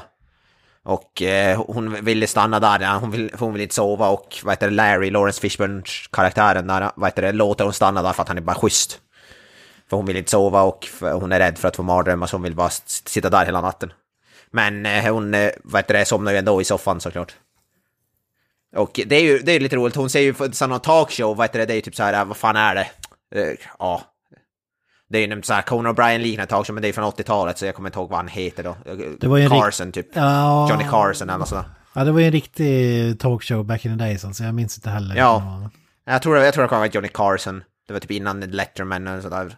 Och han intervjuade, vad är det, Shasha Gabor eller vad hon heter, någon, någon skådis typ. Superkänd. Det är väl anses vara typ en av de mest kända skådespelarna någonsin, liksom. Spelar sig själv. Ja, alltså, ja, hon var ju sjukt populär där på, ja, när den här filmen kom ut 70-80-talet. Hon var väl jävligt stor, och Sha- Shasha. Jag vet inte hur man heter, jag tror det är Shasha Gabor, något sånt där. Shasha Gabor. Ja. Ja, exakt. Eh, och då, det är ju coolt också, då vad heter det, vad heter det, han transform, eller Freddy Krueger kommer in där på något sätt, in i talkshowen och typ attackerar hon. Säger någonting med bitch. Ja, men han, ja, men han, han ställer sig upp så här bara, alltså det är vanliga de här trötta frågorna, typ ja, ty, vad tycker du om det och det? Och så, who gives a fuck what you think, ställer sig den snubben upp och säger, så förvandlas han till Freddy Krueger. Ja, och så attack attackerar Shasha Gabor och så, så, vad heter så klipper de. och så, ja, så blir det så här typ störningar på tvn och då ska Ja. Eh, Arquette gå fram, nej inte Arquette, då, då ska den här uh, tjejen gå fram och liksom testa byta kanal och se om hon fixar det undrar vad fan som händer och så när hon klappar på tvn då händer ju något fantastiskt. Ja. Ja, det är ju en av de mest magiska. Och den är ju sjukt välgjord också. Eh, vad heter det? Freddy Krueger kommer ju ut ur tvn. Bokstavligt talat. Från vad heter det? Hans armar, hans huvud, ja. Ja, det är två robotarmar kommer ut först ur den jävla tvn. Som greppar tag i henne och lyfter upp henne och så ur, där är en sån här gammal tv och det roliga med den här scenen är att den här tvn sitter ju högt uppe på en vägg, på så här vägg, väggfäste. Så armarna lyfter ju upp henne mot, eh, mot tvn och så kommer Freddy Krugers face upp ur den och så har han antennerna så här eh, på sitt huvud fr- från Ja, TVn. exakt. Och så säger den ikoniska jävla linen alltså. Som jag har faktiskt eh, personligen fått höra Robert Englund säga till mig själv. På, jag snackade med honom på Skype en gång. Och då fick jag han att säga den här linen också. Åh fy fan. Ja det är mäktigt. Ja, ja, det var mäktigt. Men eh, det är i alla fall, han säger ju... Eh, This is it, Jennifer. Your big break in TV. Welcome to prime time, bitch. Nej, det är så jävla bra alltså. Alltså hela ostigheten, eh, coolheten. Ja, det är så magiskt. Alltså effekterna också. Den liksom drar in som att genom hennes mage. Och sen är det så fantastiskt när Lawrence Fishburne kommer ut och undrar vad fan som händer. Och så ser han bara hon hänga. Hennes, Ja, hennes huvud sitter fast i tvn. Hon hänger typ två meter upp i luften liksom. Helt Ja. livlös. Ja, det är Så jävla- alltså så jävla sjukt ut. Det, det här är ju typ, Jag tror också... det är svårt att snacka bort. De har ju försökt eh, säga typ, ja men det är bara folk som tar självmord, det är ingenting mer än så. Men den här är svår att snacka Ja, bort. ja. Hur fan ska man kunna hamna där liksom? Ja, ja det är ett eh, obvious suicide ju. Jag tror den här scenen, om jag kommer ihåg det rätt, så var den bara gjord utan den här linen. Att det var typ scenen, men han sa inte det, eller han sa något annat eller vad fan det var. Och det, det var Robert Englund som improviserade den här “Welcome to prime time bitch”. Ja. Han påstår att det är den enda linen, one-liner han har improviserat någonsin. Och det, och det Ja. var ju rätt tillfälle att göra det. Fy fan vad cool. Ja, ja. alltså den är så perfekt placerad och timing och “Welcome to prime time bitch” med tv och sådär. Ja. Alltså tänk dig den här scenen utan den linen, det skulle inte funka. Nej. Den är så jävla bra. Alltså jag får med, jag får med att han la till den. Det här med This is your big break in TV och sen tror jag det var meningen att hon skulle dö typ. Jag tror, jag tror det var något sånt. Welcome to prime time bitch. Ja, Det är så ja, jävla bra alltså. Han är fan kung Robert Englund, där vi- visar han skådespeleri. Men ja, jag, eh, som sagt, jag har fått höra han, jag, det var någon sån här sida som, det är typ Kickstarter liknande, man kunde donera, för han hade någon film, Robert Englund, som han skulle göra. Just det. Och då sam- samlade de in pengar till det och så donerade jag då till pengar och då fick man en, på den nivån att man fick 15 minuter, för det, det, både Kane Hodder och Robert Englund var med i filmen, man fick välja om man ville snacka med på Skype då. Och då valde jag såklart Robert Englund. Och då fick jag snacka med honom på Skype på, i 15 minuter. Fan vilket, Med kamera, fan, vilket alltså, jag såg- jag svårt val ändå. Jason eller Freddy alltså, jävlar. Ja, ja, det var fan lite svårt. Men jag var Robert Englund ändå eftersom det är Robert Englund. Ja. Men ja, det var jävligt coolt. ja, nu när du säger det kommer jag fan ihåg det, alltså det var ju fan coolt alltså. Och då sa jag innan vi la på så sa jag bara Can I get a prime time bitch? Och då gjorde han det ju alltså med inlevelse och allt liksom. Sjukt badass. Fan vad kungen är Robert Englund alltså. Ja, han är skit. Han är jävligt, han är jävligt schysst, schysst mot så här, vad heter det, fans och det ser man om man ser intervjuer och så, när han är på pe- så här, comic panels, så här, comic con typ. Och han är jävligt rolig och sånt där.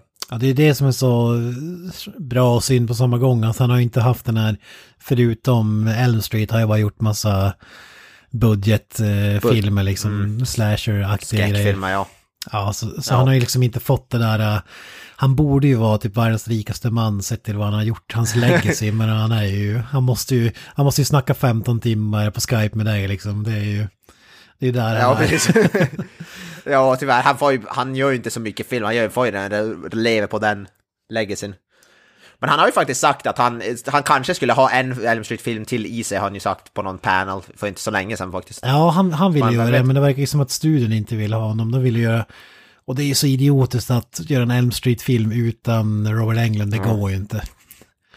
Men han har ju sagt att han, om han blir uppskjuten med vitaminer och får massa kaffe eller vad det är, då kanske han orkar med en film till. Men han säger ju själv att han tycker han är för gammal. Han har ju sagt det själv flera gånger. Fortsätt. Jag tycker du kan ha en stuntperson som gör alla de här skruvade grejerna och sen kan du bara ha hans face liksom, det skulle ju räcka och hans röst. Ja, ja, ja, det är ju det som är grejen. När man, det är ju när han pratar man märker att det är Robert Englund.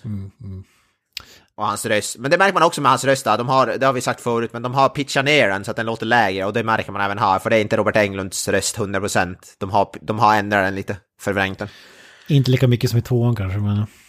Nej, men det, det har han sagt också själv, Robert Englund i intervju, att de pitchar ner hans röst i, i många scener i alla fall. Ja. För han, hans röst är mycket ljusare, högre. Lite kuriosa kring den scenen bara snabbt. Eh, Den här eh, som, som Welcome to Primetime Bitch. Hennes farsa var ju tydligen en tv-personlighet i verkligheten. Så hon tyckte det var lite ironiskt att hon skulle spela en person som ville synas på tv. Jag vet inte om det var en talkshow eller om hon hade nå- någonting åt det hållet. Ja, ja, precis. Och sen den här scenen när jag, när jag sett dem när de gjorde effekterna, alltså eh, när hon klappar på tvn och de här eh, armarna poppar ut, det, det var liksom en mekanik som, när hon klappade på tvn, det var som att trycka på en knapp, då poppar de här armarna ut. Och, och sen efter det är det givetvis hydraulics så där när de lyfter upp dem och, och grejer, Ja. men det, det, det är som en sån här uh, gubben i lådan-grej nästan, som vi tvungen ta om Att de den byggde för- den, ja, att de byggde den är ju sjukt imponerande. De byggde en sån till filmen. Ja, ja. Det är, det är samtidigt jävligt coolt där uh, när Freddy Krugers ansikte kommer upp ur tvn att det är som en sån dammsugare som liksom suger ut någon eh, luft och sådär så att det sl- Ja, slimmar sig efter hans ansikte. Det ser jävligt coolt ut alltså. Det ser ut som, det påminner om det här i första filmen när han kom ut ur väggen typ. Det typ, ser ut som en latexgrej över hans skalle. exakt. Funkar riktigt bra tycker jag. Ja, det ser sjukt bra ut. Undrar hur, jag vill veta om, undrar vad han gjorde, om han stod då bara under Robert Englund och som hissades upp på något sätt genom den där grejen. Jag vet fan inte, men det ser jävligt coolt ut. Eller om han bara som, han typ hukar sig som bara ställde sig upp på något sätt eller? Det är ju, när, när tvn är där då, då är det väl bara en, eh, vad kallar man det, en, en byst typ av Robert Englunds ansikte tror jag. Och sen close, close-up bilderna, då är det ju han som, Som, men Ja, man, när han pratar och sånt där. man ser när, hon, när han drar in henne i tvn, då ser man helt klart att det bara är en uh, gummidocka ansiktet, Freddy, Freddy Krueger. Det är inte... Ja, ja, där ja, Ja, men han, den är helt, ja, den är helt stel, ju inte en min eller något. Det, man älskar ju det, men det, det är klart och tydligt. Ja, ja precis. Jag, jag kollar på någon sån recension av den här filmen och det är jävligt sant det den personen sa att marionettsnubben fick ingen begravning men det får ju den här tjejen. Ja, ja hon, var, hon, var- hon, var inte så, hon var, han var inte så viktig. Nej, de grävde ner honom på bakgården liksom. Ja, precis.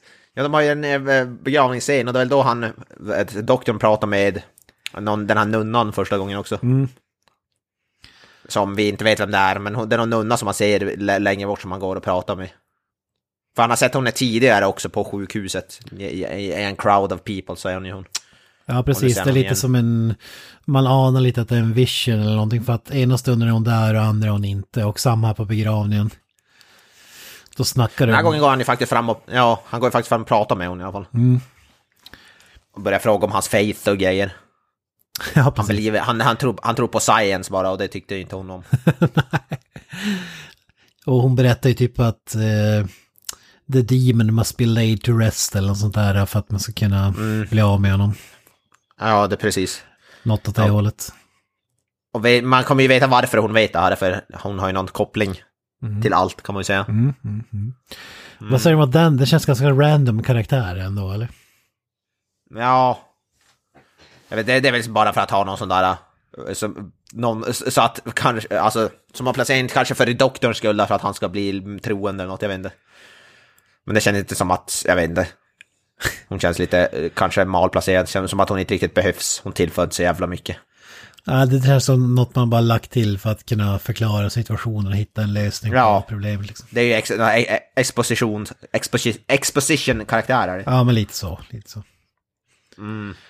Eh, Men vi får ju en till group session där Nancy berättar hela storyn då och, eh, och hon berättar ju, det är första gången hon berättar för de här eh, patienterna då att anledningen till att de alla drömmer mardrömmar om samma snubbe, Freddy Krueger, är för att eh, deras föräldrar bodde på Elm Street och var med och brände ihjäl eh, Freddy Krueger back in the days. Ja, exakt. Innan han blev den här eh, demonen så att säga.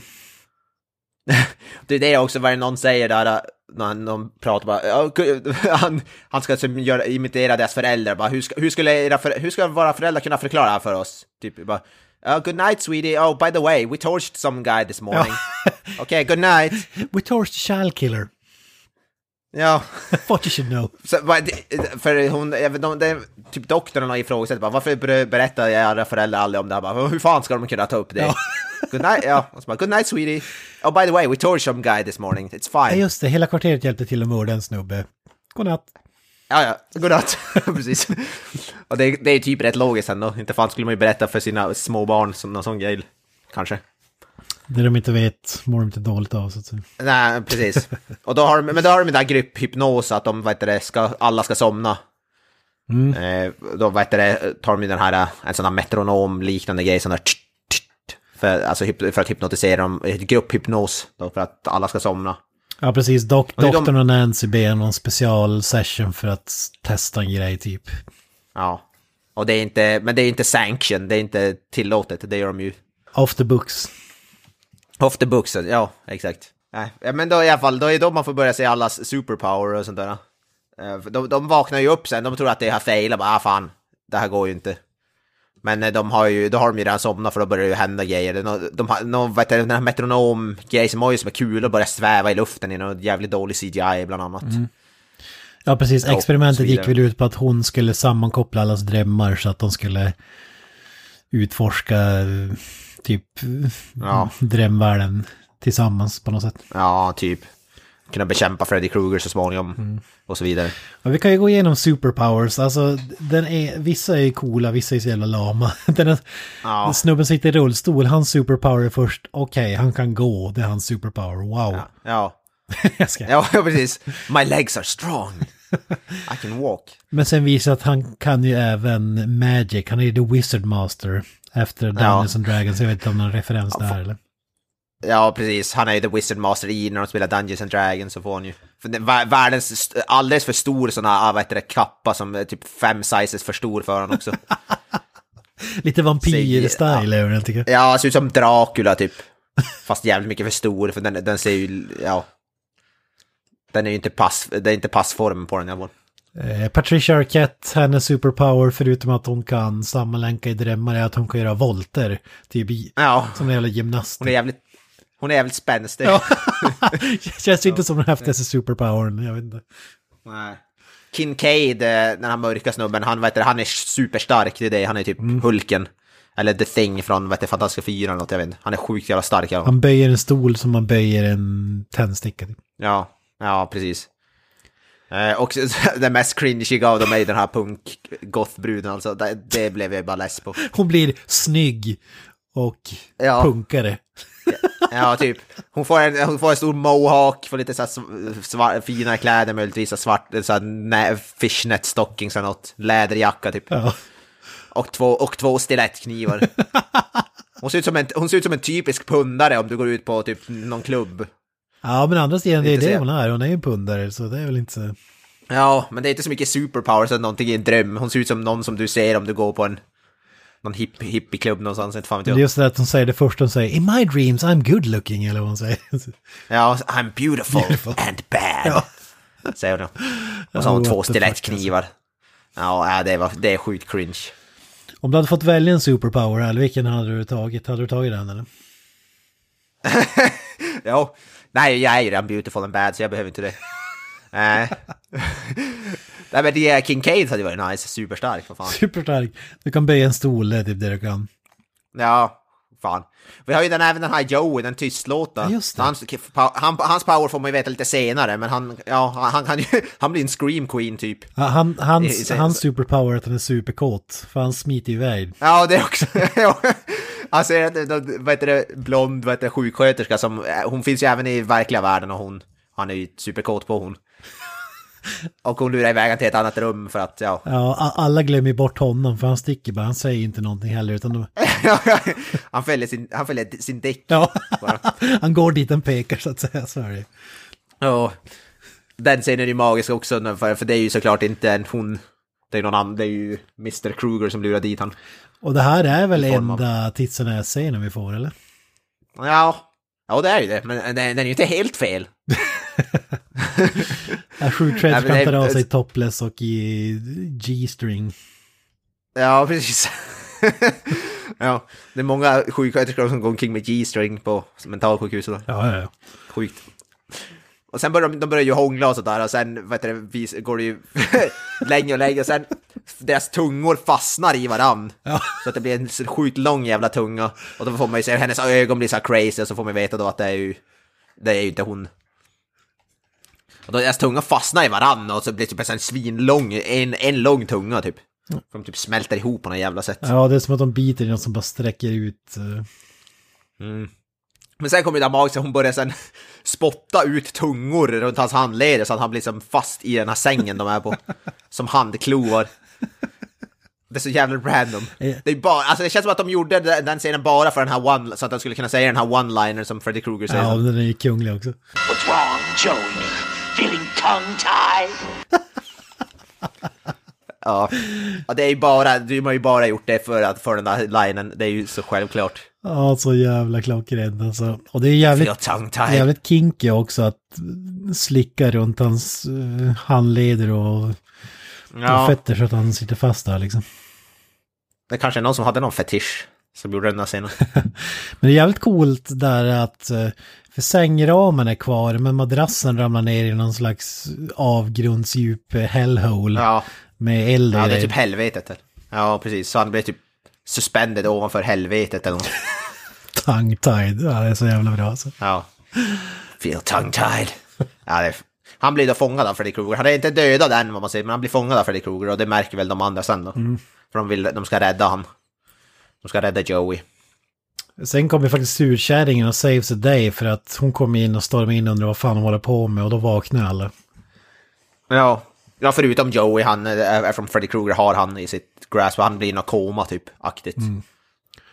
Ja, Han hamnar i koma och då får, då får doktorn och Nancy kicken och får sticka därifrån för att det här var ju Ja. after book som sagt, icke tillåtet. precis. Ja, nej det var ju inte, men de vill ju ändå fortfarande rädda alla så de, jag vet det, får ju fortfarande, de, de, de, vet det, går tillbaka till hon, vet det, Patricia Arquettes karaktär. Så att de ska kunna, de vill ju rädda Joey såklart.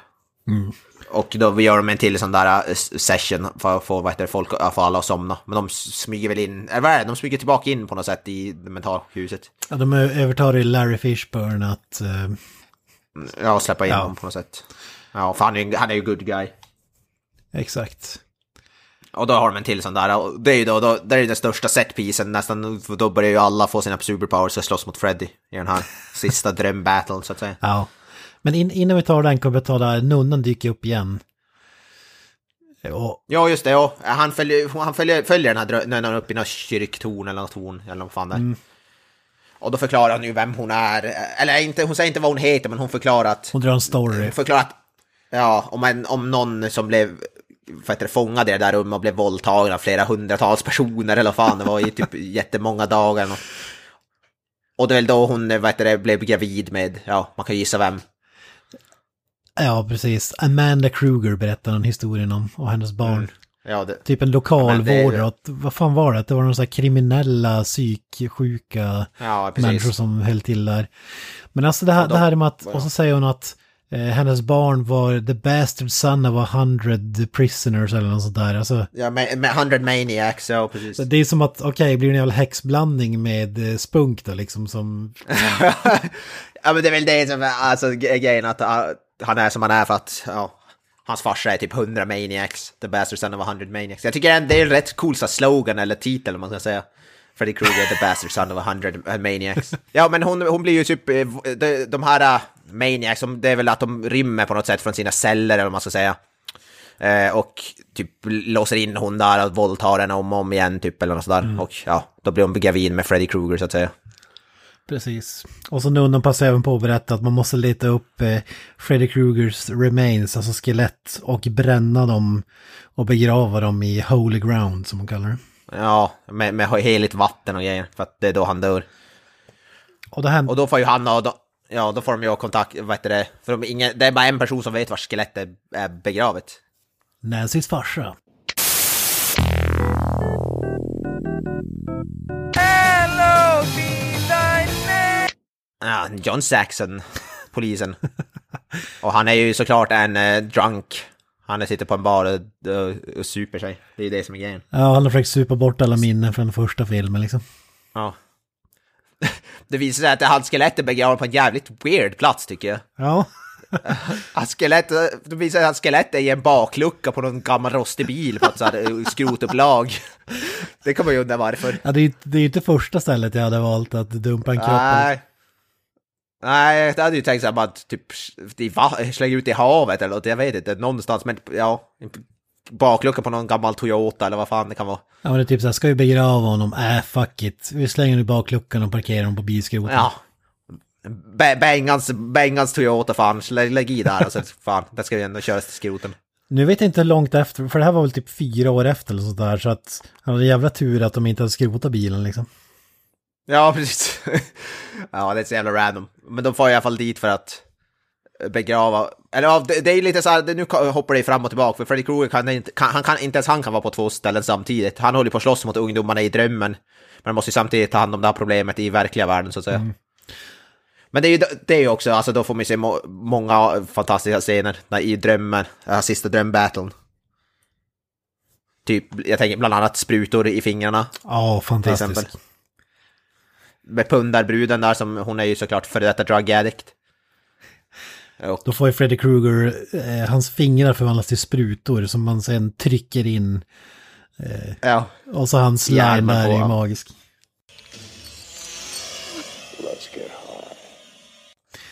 Och så Ja. ser det ut som att han får liksom ejaculation. Det ser inte ut som att han... ja, han typ, ja han står där och han ser ut som att han fyller igen med någon annan typ av vätska. Ja. Ja. Jävligt sexuellt sens slash sensuellt. Ja.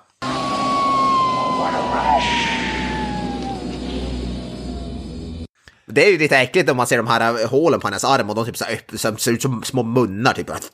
Ja. Som öppnar och stänger sig. Det är lite vidrigt ändå. Ja, äh, k- punkaren slash knarkarens showdown var ju inte den mest, den längsta direkt, men det är ju cool Nej. avslutning på den i alla fall. Ja, hon gör inte så mycket, vad heter det, hon försvarar sig själv så bra, det tar inte så länge innan Freddy Krueger. Nej, Freddy Krueger typ säger bara, Freddy Krueger bara “Why should we fight?” och sen bara tar han fram de där sprutorna. ja. det, det roliga är att den här filmen blev ju bannad i Australien på grund av den här scenen med drogerna. Ja. Det är rätt sjukt. Att den liksom skulle Ja. vara pro-drugs. Den är ju snarare visar ju hur jävla dåligt det Ja. är. Ja, ja, ja. Han använder ju droger för att ta ihjäl honom i princip. Ja, exakt. Men det är, fan, det är så jävla bra, let's get high. Alltså, hans, istället för hans klor så är det som nålar fyllda med heroin eller vad fan det kan vara. Och så har vi Wizard King. Han får ju också Ja, 15 minutes of fame. ja, det är då han får den här jävla förvandlas till Wizard Master. Han blir jagad av en rull, han blir jagad av en rullstol med massa spikar på sig. Freddy En Krueger först. gigantisk rullstol också. Ja. Ja, precis. Och sen vet du det, förvandlas till den här Wizard Master och börjar skjuta el ur fingrarna. eller fan, jävligt dåligt CGI. Ja, han ställer, sig- han ställer sig typ två decimeter från Freddy Krueger och börjar skjuta honom med magic eh, någonting. Problemet är bara att eh, Freddy Krueger, han når ju honom så han köttar ihjäl honom bara. Han säger bara I don't believe in fairy tales. och så tar han typ Ja. handske och kör genom bröstet. Det är så jävla bra. Alltså. Ja, st- stäba han. Ja, det tog, det tog inte så länge det heller. Och King K då, han leker ju Hulken där. ja. Ja, han bryter ner någon vägg. Mm. Och... Kincaid, I could kiss you. Så bara, oh, what's stopping you? Och så, Ja. ja, kung. Han är fan en jävla Don Juan alltså. Ja, han, han kommer till Nancy och Patricia Arquettes undsättning liksom. Ja, och de går ju ner i helvetet där, där Joey hänger ovanför, vad heter det, ovanför helvetet där och ska rädda han. och sen säger de bara let him go, bara your wish is my command och då börjar han ta bort de här jävla tungorna. De måste springa dit och rädda han. Men det är då de börjar, som, de börjar slåss mot han, det är så final showdown grann. Innan det måste du bara ta, du pratade om det innan vi spelade in här, när King K börjar skrika åt Freddy, det är så jävla bra. Ja, just det, ja! Det de, efter han har slagit ner väggen och, och vad heter det, eh, eh, hittat vad heter Patricia Arquettes karaktär och, och Nancy. Då vet jag, han hade ju bara less på att Freddy Krueger ska hålla på och gömma sig och sådär, så han vill ju bara få att han ska komma ut. Börjar han skrika efter han. Yo, Freddy! Where you hiding at, you burnt face pussy? Hey, we should find the others You first. think you hot shit with the little milk kid, don't you? Well, let me see you come get a piece of me. Kruger, pussy! Ja, det är så jävla kul alltså. Pussy. Ja, det är. Ja, han skriker så här, han, du påpekar här innan vi började spela in, han låter som Kevin Hart lite grann. Ja, han, Pussy! han channelade sin ur Kevin Hart. Typ den där. Ja. Jävligt så hjälte och... Börjar ja. roasta Freddy liksom. Och så gör ju Patricia en Mortal Kombat-snurr där, äh, jävla Raiden-style. Då får jag använda för sin volt när hon sparkar Freddy Krueger i bröstet liksom. Ja, hon spar, de har lite, det är lite karate där. Eh, de vet det, men sen vet det, de, de, hin- de hinner inte så långt för då börjar ju Freddy känna att någon håller på att jävlas med hans bones där i verkliga världen. Och då får vi också en, det tycker jag fan är cool, det är lite såhär uh, claymation-aktig stil också. Harryhausen-stuk typ. Harry Hou- ja, jag, ja, jag tänkte säga det, det ser jävligt Harryhausen ut. Uh, vet du, för eh, hans skelett började vakna till liv och börja slåss mot polisen och vet du, doktorn där i in the real world så att säga. Ja, ja jävligt coolt. Jag älskar den här typen av grejer alltså. Ja, den är fan, den är fan badass. Det ser, det ser jävligt stop motion ut. Det, det ser jävligt, det ser ut precis ut som Ray Harryhausen skulle ha kunnat gjort den där scenen. En, än en gång det- måste jag dra en referens till Army of Darkness, där, skeletten där. Det ser ju typ ut som i den filmen. Fantastiskt. Jo, det är sjukt bra. De har ingen chans mot det här skelettet, det är jävligt... eh, Det är Freddy Krueger i skeleton form, så, som sagt. Ja, det, det verkar ju vara hans bästa form. Han är ju invincible där. Ja, ja, precis. Men sen måste han ju, vet du, han tror ju att han har tagit hand om dem. För han vet du, spetsar polisen på någon rostig jävla spik någonstans eller något. Och vet du, slår ner den här vet du, doktorn ner i graven som de just har grävt. Så han tror att det är fine och så far försvinner där och far tillbaka in i drömmen där igen. Eh, och för att få, ja, för att sluta, eh, för att det, för att göra de här sista. Men han, den här doktorn lever ju fortfarande så han, gör processen kort med, med vad heter det, med det här, hans skelett. Han börjar ju, vad heter det, hälla där, sk- vad heter det, holy water. Eller vad det Jag har är. sagt det är som att filmen är slut, allt är bra. Hennes farsa har dött för han blev spetsad där, han kommer tillbaka och tar ett sista farväl liksom. Ja, Innan han åker upp till himlen. ja precis. Men det är ju inte farsan. Det är ju Mr. Freddy Krueger. som, vad heter det, som sen då spetsar eh, stackars Nancy. Jä- Jävla skön twist alltså, jag kan tänka mig när man ser den här första gången att man tänker att jaha okej, nu, nu är det slut alltså för att vi är så långt in i filmen att det skulle kunna vara slutet liksom. Ja, precis. Men det är det inte. Men han hinner ju spetsa vad heter det, Nancy på sin handske. Men då vad heter det, då kom doktorn lite sen, men han börjar skvätta heliga vattnet på hans vad heter det, skelett typ. Och sen bränner det upp det och då heter det, förgör Freddy dör av det. Det kommer, ljus, det kommer hå- hål i hans mage så kommer det ljus ut Ja. honom. Av någon anledning. Ja, det är så jävla bra, vi nämnde eller det, men den här doktorn var ju förbi och snodde ett litet kors från en kyrka och holy water eller vad fan var det, så jävla bra. Så det är det han använder nu då. Men vi måste också nämna att den stumma killen, vi får ju veta hans superpower, eller dream power. Ja. Han blir en, scre- han blir en scream queen Ja, exakt. i hans dröm. Självklart. Han blir Mark Pattons, han blir Mark Pattons karaktär i tvåan. Han skriker något djävulskt hjält och kan förstöra speglar med sin röst. Ja, exakt. Ja, det är han fan. Det är det som distraherar Ja, ja. Freddy där som gör att de kan... eh, Att de får chansen att uh, splasha holy water och alla de där grejerna. Ja, precis. Och då tar de, han tar ihjäl Freddy Krueger i alla fall. Ja, precis. Freddy. Krueger dör, men då, dock har ju Nancy dött också, så då får vi en till begravning. Ja, precis. Det är ju en lite sorglig, sorglig scen när eh, Patricia Arquette håller om Nancys karaktär där och är jätteledsen för att hon dör. Och så vidare. Sorgligt, sorgligt. Och på den begravningen då dyker ju nunnan upp igen och doktorn inser att åh fan, det här är Freddy Krugers morsa. Ja, för han hittar, för hon, han ser ju hon in the distance, gått dit och så ser, hittar han hennes gravsten. Amanda Kruger. Alltså jag tycker det är ett roligt grepp men det finns ju ingen logik i vad fan, hur fan skulle hon... Eller kan hon också återvända i Dreams men det är inte en dröm Ja. och så vidare, jag vet inte fan. Nej, det där är lite luddigt vad, hur, hur, det, hur det där fungerar. Att hon, har hon några powers? Hon, hon, hon verkar ju vilja hjälpa dem ändå. Hon verkar vara lite godhjärtad. Ja, för man kan ju inte säga, det utspelar sig ju inte i doktorns huvud heller eftersom att han får hjälp med hur han ska besegra Freddy Krueger och så vidare så, jag vet inte fan Ja. men, ja ja, det var det här. Han kanske, han kanske, han kanske tupp, vad heter det, somnade lite på begravningen där och ser hon då. Han, Han sitter och somnar alla, alla begravningar och då somnar han bara, fan vad trist det här är. Ja, precis. Så kan vi inte snabbspola förbi den här skiten. Ja, precis. Och så får vi ju äntligen docken. ja, fy fan. Ännu mer docken. Dream Warriors. Fan. Ja, Dream Warriors-låten, magisk låt. Dream Warriors. Jag ska inte försöka sjunga men... Ja. Den är skjut, skjut badass. Filmen slut. Men en jag måste bara nämna en scen som vi glömde nämna i all hast här. Det var ju eh, Where's the Bourbon-scenen kom ju tillbaka när Ja. Arquette drömmer och spelar docken. Det är så jävla bra alltså. Ja, precis. Det är exakt samma scen som i början när hon sitter och limmar och dricker kol och vad det är. Och hon, morsan kommer in och vad heter det, det är typ exakt samma scen nästan. Och så hör man ju det där, where's the bourbon? Where do you keep the bourbon? Men sen, då är han lite för otålig just den här scenen. Och då kommer han upp och då ser vi att Dirty Freddy Krueger istället så... I said, where's the fucking bourbon? Och halshugger morsan. Ja, och håll, alltså, då håller ju vad heter det, hennes huvud sådär och vad heter det, så pratar ju hennes skalle bara oh, “You're such a terrible uh, child”, bla bla bla. Ja, skäller ut henne liksom. Ja, det är så jävla. I said where's the bourbon bitch? Så jävla... Ja. Och så har han ju såhär kavaj, typ såhär fluga eller någonting på sig, kavaj också, det är det som är så awesome. Ja, man älskar ju om det. Det var hennes one night stand alltså. Freddie Cole.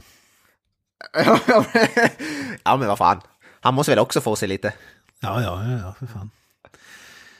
Men det är så jävla bra hur han säger det där bara “Where's the fucking bourbon bitch?” Det är jävla, det är så jävla viktigt att han får veta vars bourbon är. Det är fan bara Robert Englund som kan göra det där magiskt alltså. Fy fan. Ja, ja det är så jävla bra. Men tillbaks till Docken, för Docken spelas också i den scenen. Vad säger vi, är Docken Dream Warriors otroligt bra låt tycker jag. Ja, ja men den är, den är faktiskt bra. Vi- Vilken, Nej, skräckfilm tycker du har den bästa liksom rockhyllningslåten? Det finns ju några stycken. Jag börjar ju tänka på den här uh, Curse of the Wolf, Len Kabasinski-filmen. Ja, it's the curse of the wolf. Den måste väl vara i toppen eller? Ja, ja. Jag kan säga, alltså givetvis Alice Cooper, Man Behind the Mask. Eh, Ja. Fredagen den 13 filmerna. Och så har vi ju både, Jo, äh, tre, vi har en triple threat match här. Hellraiser har ju både Entombed, Ozzy och Motorhead gjort en låt till och alla är Ja, kunniga. just det. Ja, ja. och så har vi Ramones, Pet Cemetery. Har jag glömt någon? Fredag den 13 hade väl mm, typ någon bra låt här, förutom vad heter det, Alice Cooper-låten. Hade inte de, var det inte någon film där också som hade någon typ rätt bra Ja, låt? det är ju dis, det är, inte är discoversionen då av themesången. Ja, ja, ja, ja, precis. Men det, det är Ja, inte det är liksom ju- en metal-hyllning så kanske. Nej. Och den här Lily och Susie-låten fredag den 13 skivan. Down in the boiler room, den är ju magisk också. Ja, fy fan. Ja, det är mycket bra, bra musik alltså. Ja, ja det, det limmar ju så jävla bra alltså. Metal och slasher, slash skräck. Riktigt bra. Ja. Var inte, hade inte så Spinal Tap någon sån där låt i någon film eller vad fan? Eller var det, det kanske är fredag den 13 där jag tänker på. Jag kommer fan inte ihåg. Vi pratade om det, ah skitsamma. Ja, ing- inga kom på nu. Man, man skulle gjort research här. Det finns väl... Lyssnarna sitter och skriker rakt ut nu. Det finns väl hundra andra Ja, låtar som är magiska. Ni, ni kan gärna, gärna skriva i kommentarerna vilka bästa låtarna i skräckfilmer, sk- så här hårdrocks, rocklåtar. Det finns jävligt många. Jag, jag tror, eh, vad heter det, Resident Evil tror jag första tror jag, så här Slipknot i sig och sådana där grejer. Ja, ja, ja Marilyn Manson har väl gjort eh, några låtar, th- themesång med Ja. som jag tycker är sjukt bra. Ja. Metal-versionen där, eller vad man ska kalla det. Men en, en som jag kan rekommendera som inte är så känd, det är ju Entombed Hellraiser. Den är så jävla cool alltså. De har klippt in repliker från filmen och så har det instrumental, supertung, eh, eh, tunga riff och sådär. Den är jävligt cool alltså. Är det Orvar på sång eller? Orvar Ja, det är ingen sång, det, man hör ju bara Hellraiser himself, Fan. eller repliker från filmen. What's your pleasure Mr. Cotton? Och så har du tyngsta jävla Ja, gitarriffen någonsin liksom. Magiskt. Ja. Ja, det är en franchise som vi måste ta oss an också, Hellraiser, det är magiskt. Ja, vi borde nästan göra ett avsnitt Magiska film. om metal och skräcklåtar. Alltså det är... Ja, ja det finns fan mycket att hämta där. Men Dream Warriors då, filmen. Om vi säger något slutord, vad, hur summerar du den?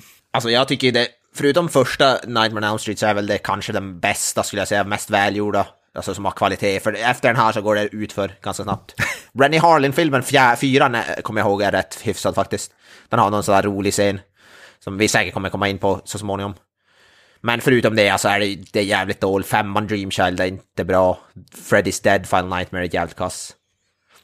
Eh, Den här är bättre, jag skulle säga som vi sa, tvåan är ju faktiskt en bra film som vi sa. Den har ju fått oförtjänt mycket skit, men det här är ju klart bättre film. Alltså rent kvalitetsmässigt, utan tvekan. Jag skulle nästan, kanske inte lika bra som första, men alltså jag skulle nästan placera den i samma kvalitet. Den är fan sn- snudd på lika bra. Vad, är det du gillar med den? För det första så är den ju... ja, som sagt, den är ju bara be- betydligt mer välgjord, specialeffekter och så vidare. Och den är ju inte lika cringy som tvåan, har inte lika mycket konstiga undertoner. Och den har ju även en del jävligt äckliga och be- obehagliga scener. Och även... Den är jävligt bra balans mellan komedi och skräck, tycker jag. Eh, med- och med, bara till bättre skådespelare än tvåan, alltså allting är bättre, musiken, hur den ser ut, allting är ju bara mer välgjort. Så den här och, och den här och första är väl kanske de bästa. Eh, Även New Nightmare som är den absolut sista, den är också riktigt bra. Men eh, alltså det, den är den är bara så jävla välgjord och bara i ren- när det kommer slasherfilmer rent generellt så är den i toppen, alltså inte bara i den här franchisen tycker jag. Ja. Jag tycker den är så pass jävla bra. Ja, jag, jag vill inte avslöja vad jag tycker om de senare filmer för vi vill väl snacka om dem också. Men Ja, ja. jag tycker att den här är mycket bättre än ettan till exempel. Jag tycker att av, av de tre vi haft här så är den här min favorit. Även om jag rent underhållningsmässigt nog älskar tvåan mer. så, så, så tycker Ja. jag att den, här är lite Final Chapter-aktigt om man ska säga från de andra tre. Alltså Ja. alltså den ultimata Elm Street. Har både komedi, både allvar, lite, lite skräck. För att man vill inte att det bara ska vara superseriöst. Man vill ha Robert Englund som, Alltså den här one-liners och så vidare. Och, och det har det här. Och den här har ju liksom... Om man ska göra highlights reel med kills från franchiset så skulle ju alla... Alla Ja, vara bara med från den här filmen, typ. Ja, du kan ju bara visa dem här Ja. för att det är de bästa. Alltså. Det är därför man ser, om man ser någon sån här video med kills eller något sådär, då är det oftast någon från tredje. Ja. Alltså, Nightmare on Elm Street 3. Det är, typ, det, det är typ någon film från den här, eller typ den här Johnny Depps dödsscen i första när han sprutar blod, det är typ det. Ja, just det. Men eh, alltså det är ja, Och så, det är showreel bara, amazing kills. ja, och det är ju jävligt viktigt i slashers. Det är ju, det är ju bara så. Underhållningsvärdet är högt, det är aldrig tråkigt eller sådär heller. Och så gillar vi ju som sagt det här med att karaktären inte bara är där för att dö eller visa titsen ass, utan de har verkligen, alltså de är riktiga karaktärer som liksom dessutom kan ge Freddy en match. De är inte bara kanonmat och sådär, det, det gillar jag också. Ja precis. Vissa av Ja, dem i alla fall. skitbra. Ja, ja. Det, du- Det roliga såg jag också en intervju med Kincaid, skådisen, i efterhand. Han påstår, jag har ingen aning om det här är sant, att han är, för, han är den första African American actor som överlever en horrorfilm. Ja, det, kan, det, det är nog fan sant säkert. Både innan och efter. Det. Fishburne, men han har inte riktigt den rollen. Alltså, han Nej. menar väl i, i de här typen av roller som de har liksom ungdoms... det var väl den enda, en, enda filmen fram till Get Out möjligtvis. Ja. ja, men det är fan möjligt alltså. Äh, otroligt Ja, jävla bra, film. kan rekommendera den. Och om, om man eh, aldrig har sett Elm Street eller sådär, då skulle jag fan rekommendera att se den här. Det skulle fan nästan räcka alltså för att den är så ultimat Elm Street det bara kan. Mm. Liksom. Ja. ja jag- som sagt, det går typ ut för, efter den här så blir det långsamt ganska mycket sämre. Mm. Mm. Men som sagt, det, fin, det finns lite att hämta i resten av franchisen, men vi kommer kanske in på det Ja. så ja, småningom. framförallt one-liners och så vidare, så finns det ju många guldkorn kvar. Ja, jag säger bara playing with power den. Jag säger. Ja, fy fan. Mm. Ja, men en, en succé måste jag säga. Den, den blev ju, den drog in, den hade ju en budget på eh, strax under 5 miljoner dollar och drog in 44,8 bara i USA. Så var en supersuccé liksom. Med all rätt. Ja, alltså den var ju, ja, den var ju sjukt, alltså drog ju in flera, flera gånger sin budget. Ja, Så den var, den var sjukt framgångsrik. Är väl, jag vet inte om det är den mest framgångsrika i, i serien. Jag, vet, jag är osäker. Men sett till budget och hur mycket den drog in så är den definitivt en av dem, en i toppen i alla fall. jag vet att fyran drog in lite mer, men den hade en lite högre budget också, så det beror på hur man räknar. Men Ja, två, tvåan ja. var ju också en framgångsrik pangsuccé. Och det, det var väl efter trean som New Line Cinema, vi har ju snackat om det tidigare, The House That Freddy Built, som de blev ett riktigt filmbolag att räkna med liksom, för då, tack vare Elm Street-filmer, de drog in så mycket pengar att de hade, hade pengar att röra sig med. De behövde inte bara göra independent-filmer, utan nu var det liksom studiefilmer. Man märker att den här filmen har ju, alltså den, man ser att de hade med budget. Med tanke på jävla specialeffekter deluxe. Ja. Eller pr- pr- praktiskt. Någon Ja, men jävligt. tänk den här budget 5 miljoner och vad hade Avengers Endgame? Det var ju typ 200 miljoner dollar eller någonting. Jag vet inte. Ja, precis. Tusen gånger bättre. Ja, nej. Ja, ja, för fan. Nej, vad säger du? Ska vi ta lite Hypnosil och be oss down i the boiler room och dra i Freddys? Ja. Ja, jag ska, jag ska ta mig några hypnosil här och så att jag slipper ha några otäcka drömmar så att säga. Ja, exakt. Ja.